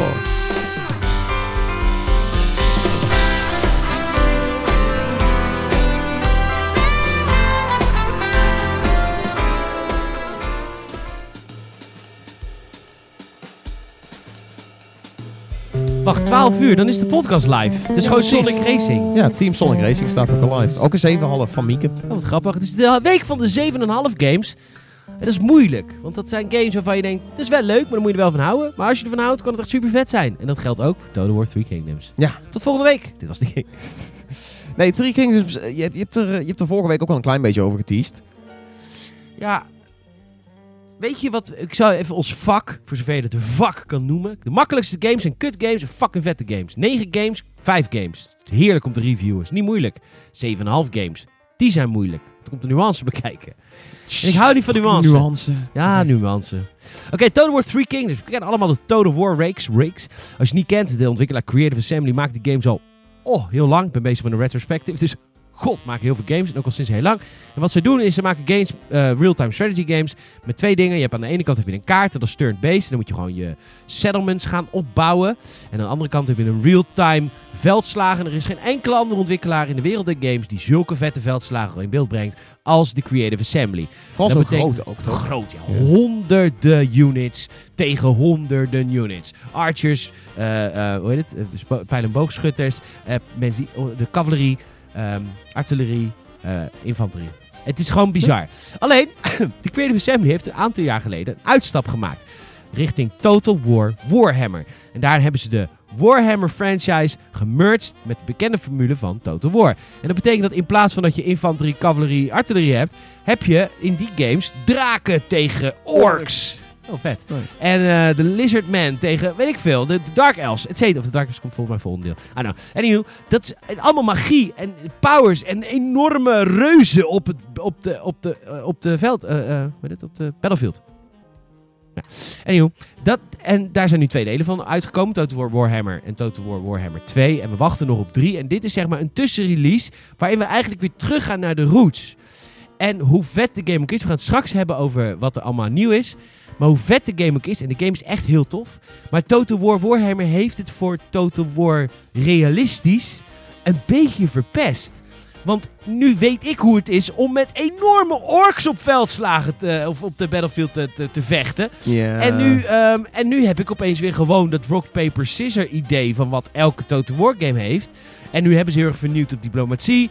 En op je kan duelleren tussen de generaals. En dat is echt heel tof, rijp me niet verkeerd. Alleen het is, nu voelt het wel een beetje als een stap terug. Dat ik eigenlijk gewoon weer die rock, pa- paper, scissors systeem aan het doen ben. Van, kijk, je zet je infanterie met speren vooraan neer. Want paarden zijn slecht tegen speren. Daarachter zet je je boogschutters, want die kunnen dan overheen schieten. Je paarden gebruik je vooral voor het flanken. Voor het van, van achter en van de zijkanten. Uh, Total War heeft al sinds de jaren 90, hebben we het inmiddels, nee, begin 2000 hebben we het over. eh, heeft- heeft dat een soort van, van systeem wat het gebruikt. En dat systeem verandert niet, mits je er orks in gooit. Want dan wordt het opeens een hele rare soort van fuck-up. Nou ja, ik vind Total War Warhammer fantastisch. Ik vind het superleuk om nu weer terug te gaan met Total War Three Kingdoms. Alleen het is wel een beetje underwhelming als je, nou ja, wat ik al net zei. Maar eh, hoe zit het dan? Want ik bedoel, de, de- het hele punt van deze, deze Total War is natuurlijk dat je het, het, het Verre Oosten opzoekt. Dat het allemaal, dat het allemaal Chinese cultuur en, en historie is. Dat is Zitten daar leuk. geen nieuwe tactieken in? Want Ja, je zou toch zeggen dat die een hele... Ja, nou, Nee. dat is Japans, maar Dat is eh, Eh, Oké, zij hebben toch een hele andere... Units. Oh, trouwens, één heel racist ding. Van mij, maar vooral van de ontwikkelaar. Is ze hebben denk ik gekozen voor de Chinezen. voor de Chinezen. Ja? Omdat je daardoor niet zo heel veel verschillende gezichten hoeft te maken, denk ik. Wow. Want serieus, ten opzichte van vorige delen is bijna elke feest hetzelfde. Maar dan kun je gewoon zeggen, ja, maar er komt schijnlijk ook Chinezen. Hij kan malen op elkaar. Ze hebben zichzelf ook ingedekt omdat jij het nu gewoon voor ze zegt. I know, right? Anyhow, eh, we gaan naar eh, 190 jaar na Christus eh, naar China. En dat was de periode dat eh, China niet onder één eh, leider was. En jij moet kiezen... Nee, je moet kiezen uit één van de twaalf krijgsheren. Wat is dat Three Kingdoms ding dan? Ja, Wanneer rollen ze omdat ze allemaal wel een soort van factie hebben. Ze hebben Oh. allemaal een soort van leider waaronder je werkt. Ja. Goed, je kiest uit één van twaalf krijgsheren. Is echt heel erg leuk, moet ze heel erg vertalen naar het Nederlands. Ik heb nu allemaal weer woorden die ik nu in het Nederlands ken. Krijgsheren, vazallen, dat soort dingen. Super vet. Eh anyhow, eh, je moet kiezen van twaalf krijgsheren. En je gaat eh, beginnen in, in China. en je moet je land steeds groter maken. Eigenlijk heel logisch. En dat doe je door allianties te sluiten. Diplomatie is belangrijker dan ooit. En door gewoon goede keuzes te maken die passen bij jouw krijgsheer. Want dat is ook nog eens... Dus even een soort van persoonlijkheidsdingetje? Of? ja, hoe diep de Total War games afgelopen jaren zijn gegaan, is echt bizar. Niet alleen kun je natuurlijk je settlements levelen, kun je natuurlijk je legers levelen, maar ook elke krijgsheer, maar ook alle generaals onder je, Oh, alle diplomaten onder je, alles wat een belangrijk personage is, kun je aanpassen met een eigen skill tree, maar Netjes. ook met eigen armor en wapens. Dus ik kan voor mijn krijgsheer Oh. en voor mijn generaals, die eigenlijk maar een rolletje hebben van een duizendste van, van de battlefield, kan ik gewoon eigen wapens eh, toewijzen. Je kan wapens vrij spelen, je kan armen vrij spelen. Maar ook een skill tree, als in, is hij goed in diplomatie? Eh, is hij goed? En dan krijgt Ja, hij allemaal je- bonusvoordelen. Dat is, dat is toch wel tof, want dan heb je zoiets van, oh, dit is mijn, mijn beste, eh, weet je al, raadgever of zo. ja, Die, als die meegaat de battlefield op, moet hij wel overleven. je want moet die zeker overleven. is, weet je, je Tyrion Lannister die daar naar binnen wandelt. I know, het is Ja. heel... Oh, wa- gast! Waarom is er nog in Game of Thrones Total War? Oh ja, ja goeie vraag. Creative Assembly, eh, bel me. Revelation. Anyhow, dat snap ik echt gereed van, want ze geven die Game of Thrones franchise echt naar de meest rare B-ontwikkelaar. Nou goed. Ehm, Ik krijg veel reclames van de mobiele Ja, Game of Thrones know. game op Reddit en waar zo. ook spoilers in staan trouwens. Maar goed, vaak maar ja. Ehm, het heel gespoild. Ik heb Avengers pas eergisteren gezien. Pff, niet zo leuk. Oh, Nee. hm, jammer. flauw allemaal. Maar goed, door. Anyhow, het kan dus zelfs zo zijn dat als jij een, eh, soort van, eh, eh, een soort van raadgever hebt. Die raadgever heeft een vriend, een bevriende natie. Die is daar persoonlijk mee bevriend. Ja. Die guy gaat dood. Die wordt opgevolgd door zijn zoon. Maar die zoon mag hem niet. Dan kan gewoon de relatie verbroken worden. Ja. Het gaat echt vet. bizar diep. Die skill tree. Elke vijf beurten mag je een nieuw soort eh, skill tree, een nieuw skill, skill treetje unlocken voor je civilization. Is natuurlijk heel erg van, oké, als ik deze route kies, dan krijg ik weer dit soort gebouwtjes. En met dit soort gebouwtjes in die stad kan ik weer dat soort units maken. Of juist niet focussen op units, maar op handel. Of juist niet focussen op handel, maar op diplomatie. Of, het- er is een super makkelijk systeem waarin je nu kan zeggen... Oké, ik heb te weinig eh, voedsel. Dus ik ga naar mijn vazal, die daar verderop woont. En die geef ik, eh, die zegt, geef mij voedsel. Zegt, dat is goed, maar dan wil ik wel iets terug. En vind je heel makkelijk nu systeem van, je hoeft niet elke keer te gokken van, oké, wil die dit? Nee, wil die dit? Dat was in vorige delen. Nu kan je gewoon, zie je een rood-groen balkje, wat gewoon Ja. genoeg is om voor hem terug te krijgen. En op die manier kun je echt met een hele kleine staat echt makkelijker overleven dan in vorige delen. In Ja. vorige delen was het wel meer van hoe groter je bent, hoe makkelijker het is om te overleven. Dat is natuurlijk nog steeds. Alleen, je, ze hebben wel meer tools gegeven via diplomatieke routes.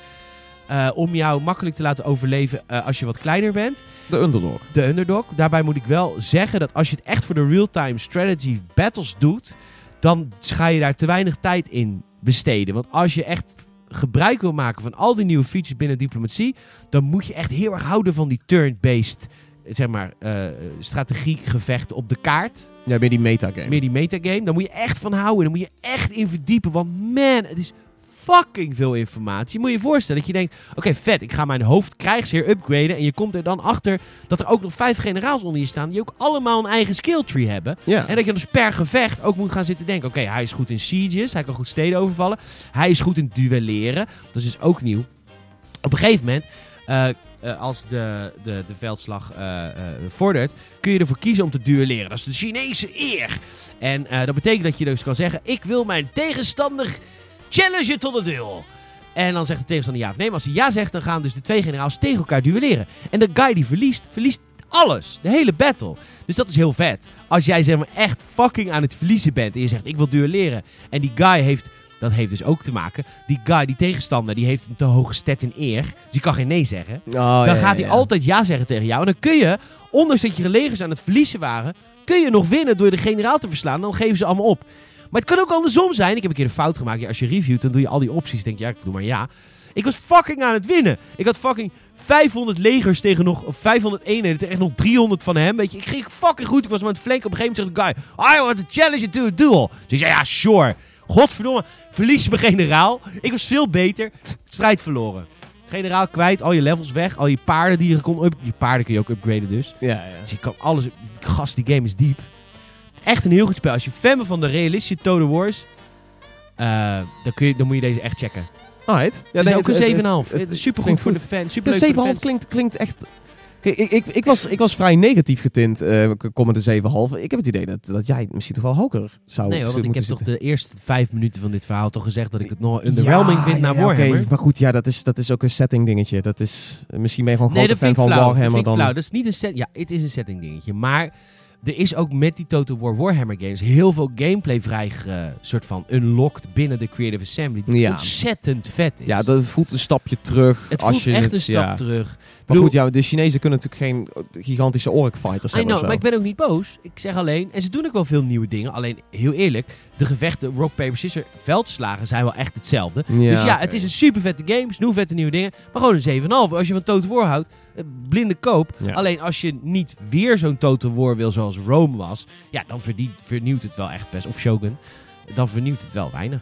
Ja, ik, kan- ik kan me goed voorstellen dat, dat, dat dan het, het hele Chinese standpunt niet vernieuwend genoeg is. Omdat het niet zulke andere, zeg maar, oorlogstactieken of zo met zich Nee, meebrengt. bijvoorbeeld Empire, daar was heel veel kritiek op. Maar die had in ieder geval voor het eerst musketten en, Ja, en ja, guns, weet je wel. dat is een heel ander Dat ding was echt wel een ding. En, en, en Rome heeft als heel vet ding dat je van die, hoe heet het, die schilder die je boven je hoofd kan doen. Die had Ja, dat je van de soort turtle formation en zo kan dat soort doen. Ja, ja, ja. formaties. Dat, dit is 190 na Christus. Die shit was er nog niet. Nee. units is het best wel straightforward.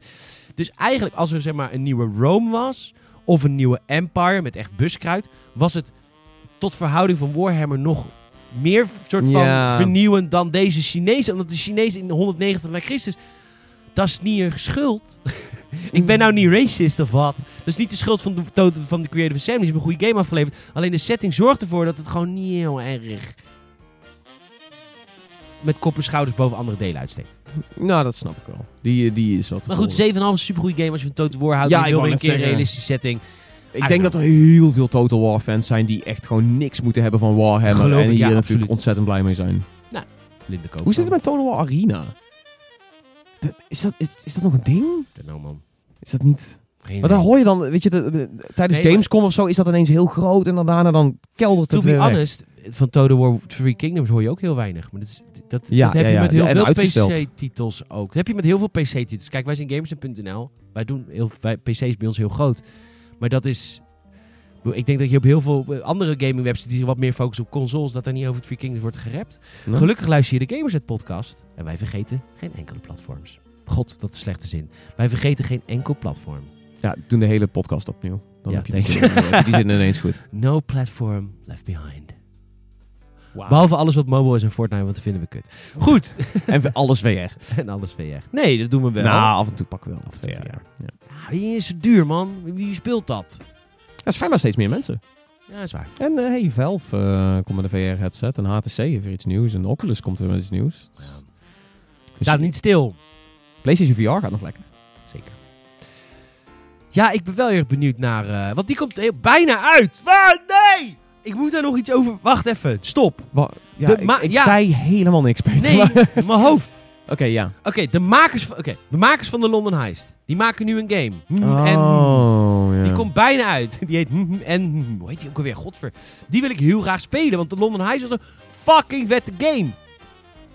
Eh London Heist was een soort van. Mocht je, ik, ik- jij luistert naar deze podcast en ik heb echt het idee dat jij nu zegt: Peter, wat is de London Heist? Nou, dat ga ik jou nu vertellen. London Heist was een van de missies Blood in die soort van. Blood and Truth. De London Heist was een van de missies in dat pakket wat je kreeg toen je PlayStation VR kreeg. En dat werkte fantastisch met de move controllers. Dat was echt een fantastisch schietspel. En die komen Van de nu makers van SingStar. Van de makers van SingStar. Van de Move Controller. Die kun je namelijk ook aan je mond zetten. Eh anyhow, en die maken nu ook Blood and Truth. En die, eh dit is een hele game van de London Heist. Daar heb ik heel veel zin in. Die, wanneer komt die uit? Eh het mei. staat volgens mij nog steeds eh, 2019. Nee, eind mei komt die uit. Eind mei alweer. Ja. Lekker. Oh ja, 28 mei. 28 mei. Dus dat wordt de volgende VR-game die Petertje gaat behandelen. Moet ik wel even niet trouwens... eh, Iron Man game? maar die staat nog niet uit? Die is toch al uit? Nee, dat was toch een preview-event waar mensen dat gezien hebben? Oh, ik, ik weet niet. Ik dacht dat die, dat die, al, eh, dat die al uit was. Iron Man game ga ik ook spelen. Maar ik moet even de, de Move Controllers bij mijn ex terugkrijgen. Want die heeft in de verdeling van de spullen... Ja, was een beetje lastig. Want ja, ik, ik hield het huis al. Dus ik kon eigenlijk nergens nee tegen zeggen als hij iets wilde. En dat is ook heel logisch. Ik hou heel veel van hem. Maar dat is wel een nadeel. Want ik moet naar mijn Move Controllers even zien te scoren. Want Move Controllers zijn niet te krijgen. PlayStation als je luistert. En de Iron Man game is inderdaad nog TBD. TBD. To be concluded. Nee, Disclosed. disclosed. Goed, heb jij nog een eh, final thought? Deze extra lange Gamers podcast. We moeten vaker 's ochtends vroeg opnemen, dan zijn we energieker.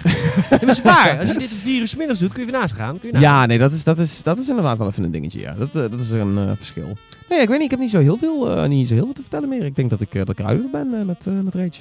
Nee, ik moest, ik moest schijnbaar nog meer de, de, de Twitch pushen. Dus bij deze kom eens een keer langs. We hadden bijvoorbeeld deze week Rage 2. eh, vier uur lang gestreamd voor release. Vijf, weet ik veel. Twitch.tv slash gamersnet. Tom streamt elke week. En ik ben al maanden aan het denken om ik ook weer te gaan streamen. Beloof niks. Maar Two Point Hospital is wel zo... Nou, wacht even. Ik was op perstrip, Parijs. Toen sprak ik een guy, die is YouTuber. Dat vind ik altijd schattig. Dus ik, ah, tjoep tjoep. Tjoep tjoep. Ja. Maak Wat, waar slaat YouTube op? Het is gewoon heel denigrerend, dat vinden we leuk. Kijk, ik maak een, dus, is, ik zei tegen, ik maak een podcast.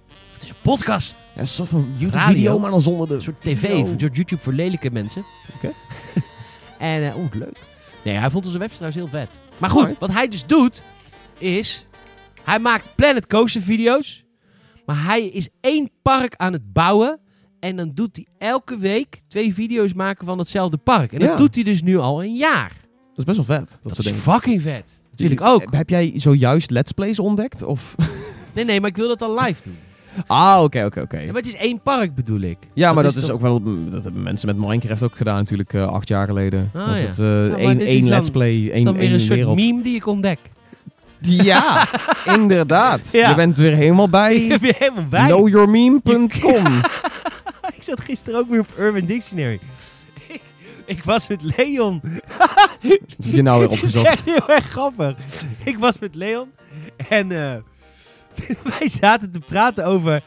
Wij bedenken natuurlijk altijd content als games uitkomen. Die, die proberen we dan natuurlijk te mogen maken. En we zaten te denken over content van Wolfenstein Youngblood. En Wolfenstein Youngblood die komt eind juli uit. En dan speel je dus de dochters. Het is een koopgame in het Wolfenstein-universum. En je speelt de dochters van BJ Blazkowicz. En BJ Blazkowicz is de protagonist van vorige delen. Dit zijn zijn dochters. En toen zei Leon tegen mij... Waarom, eh, waarom heet een van zijn dochters niet VJ? Van VJ. en toen zei ik, waarom heet die andere niet JJ? Van VJJ. Dus, ik... ik Ah, Het is toch grappig als je vader BJ heet en het is fucking Wolfenstein. Ja, oké, nee. Hoe ik- is dit ik- niet leuk? Ik denk, ik, ik, ik, ik, ik laat hem uitlopen. Ik denk, ik ben benieuwd wanneer het gaat komen nou. Dus ik, moest, ik wilde gisteren een tweet sturen naar de ontwikkelaar. Ik zeg, oké, why are the dollars van BJ called VJ en JJ? maar toen moest ik dus in de Urban Dictionary opzoeken of het nou met een G was of met een J. Zo kut ben ik. Huh, met een G of een J, wat? Ja, VJ en JJ. Dit is natuurlijk Ja, oh vond ik heel moeilijk. Maar JJ staat dus nergens in de Urban Dictionary, VJ wel.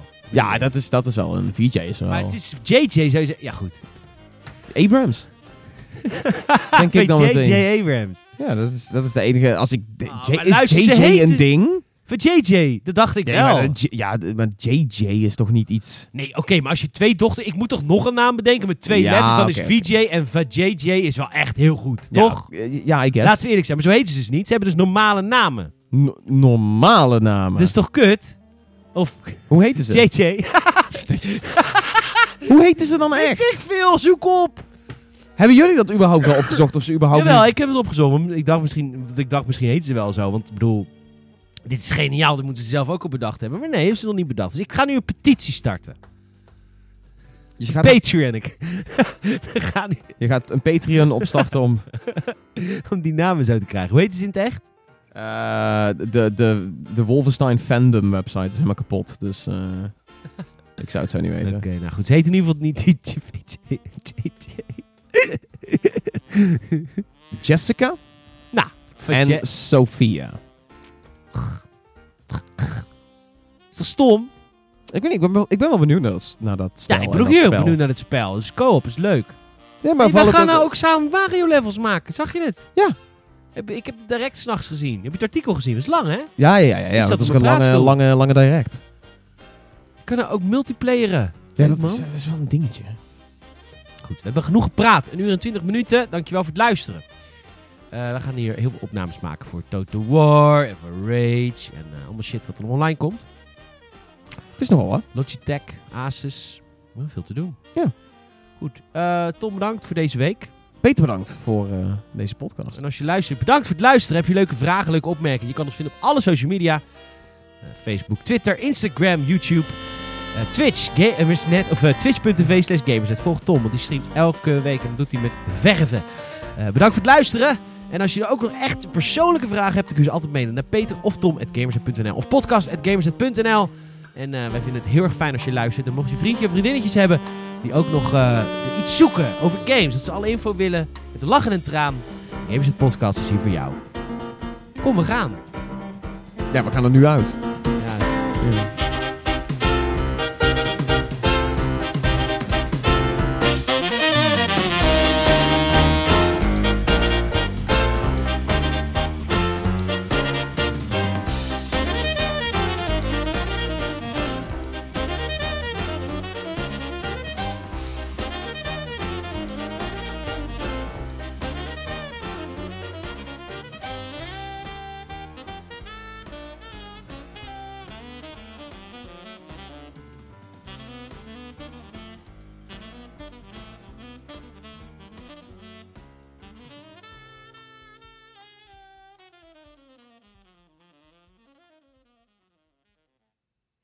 Weet je,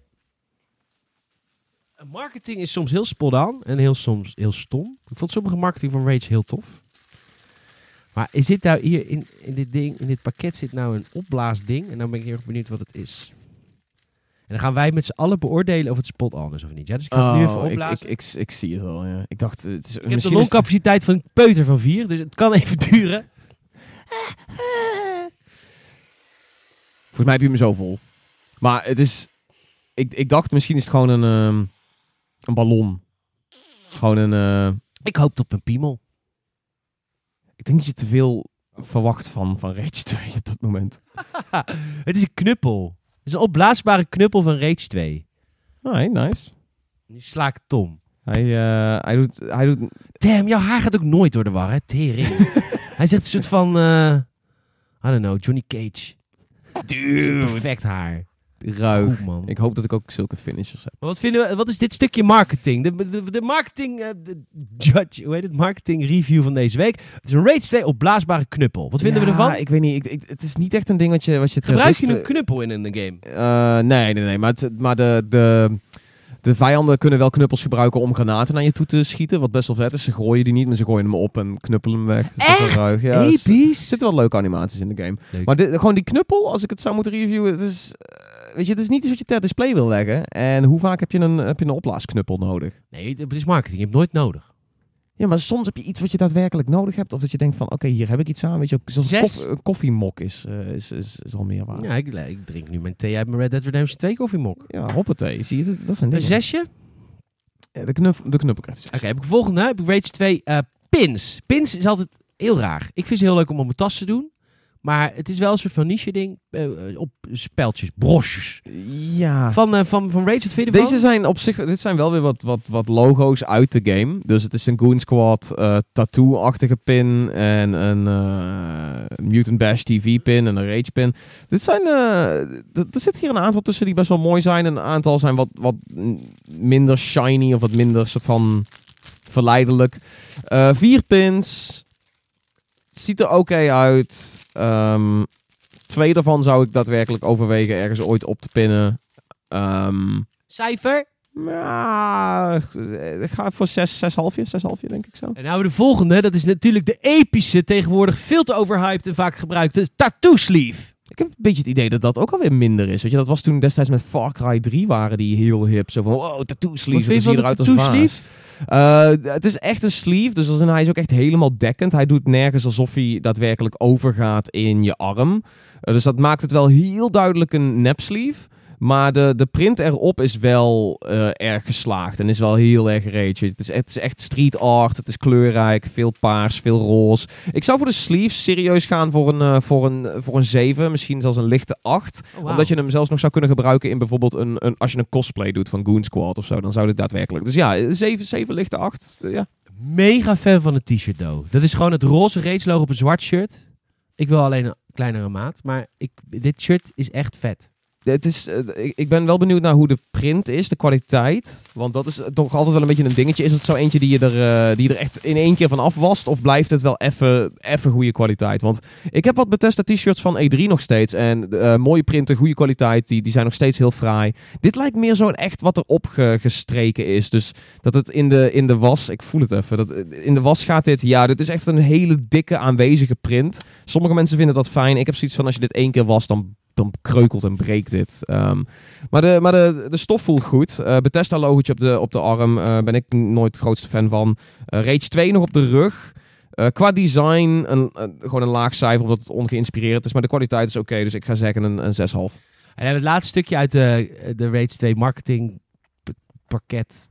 I don't know, de launch te vieren. I don't know. Om ons, I don't know wat, waarom het is. Is de steelcase zonder game een dikke 1. Want daar moeten publishers nu mee stoppen.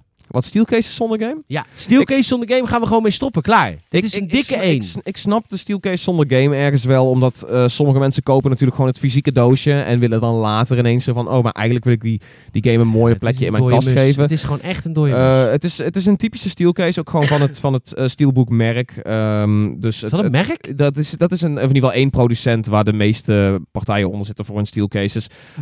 Vrij mooi. Het logo staat er niet op en de, en de print is goed. Het is, weet je wel, het is dat gezicht van Rage t- 2, maar niet die ene die je overal Sakura ziet. Flor is daar nu al zo Ja, ja, basically eh, lijkt het nu meer op Sakura Floor dan het lijkt op die... eh, nou ja, anyway, eh, prima, prima print. Ehm, maar goed, ja, ja, steelcase zonder game, zeg ervan wat je van vindt.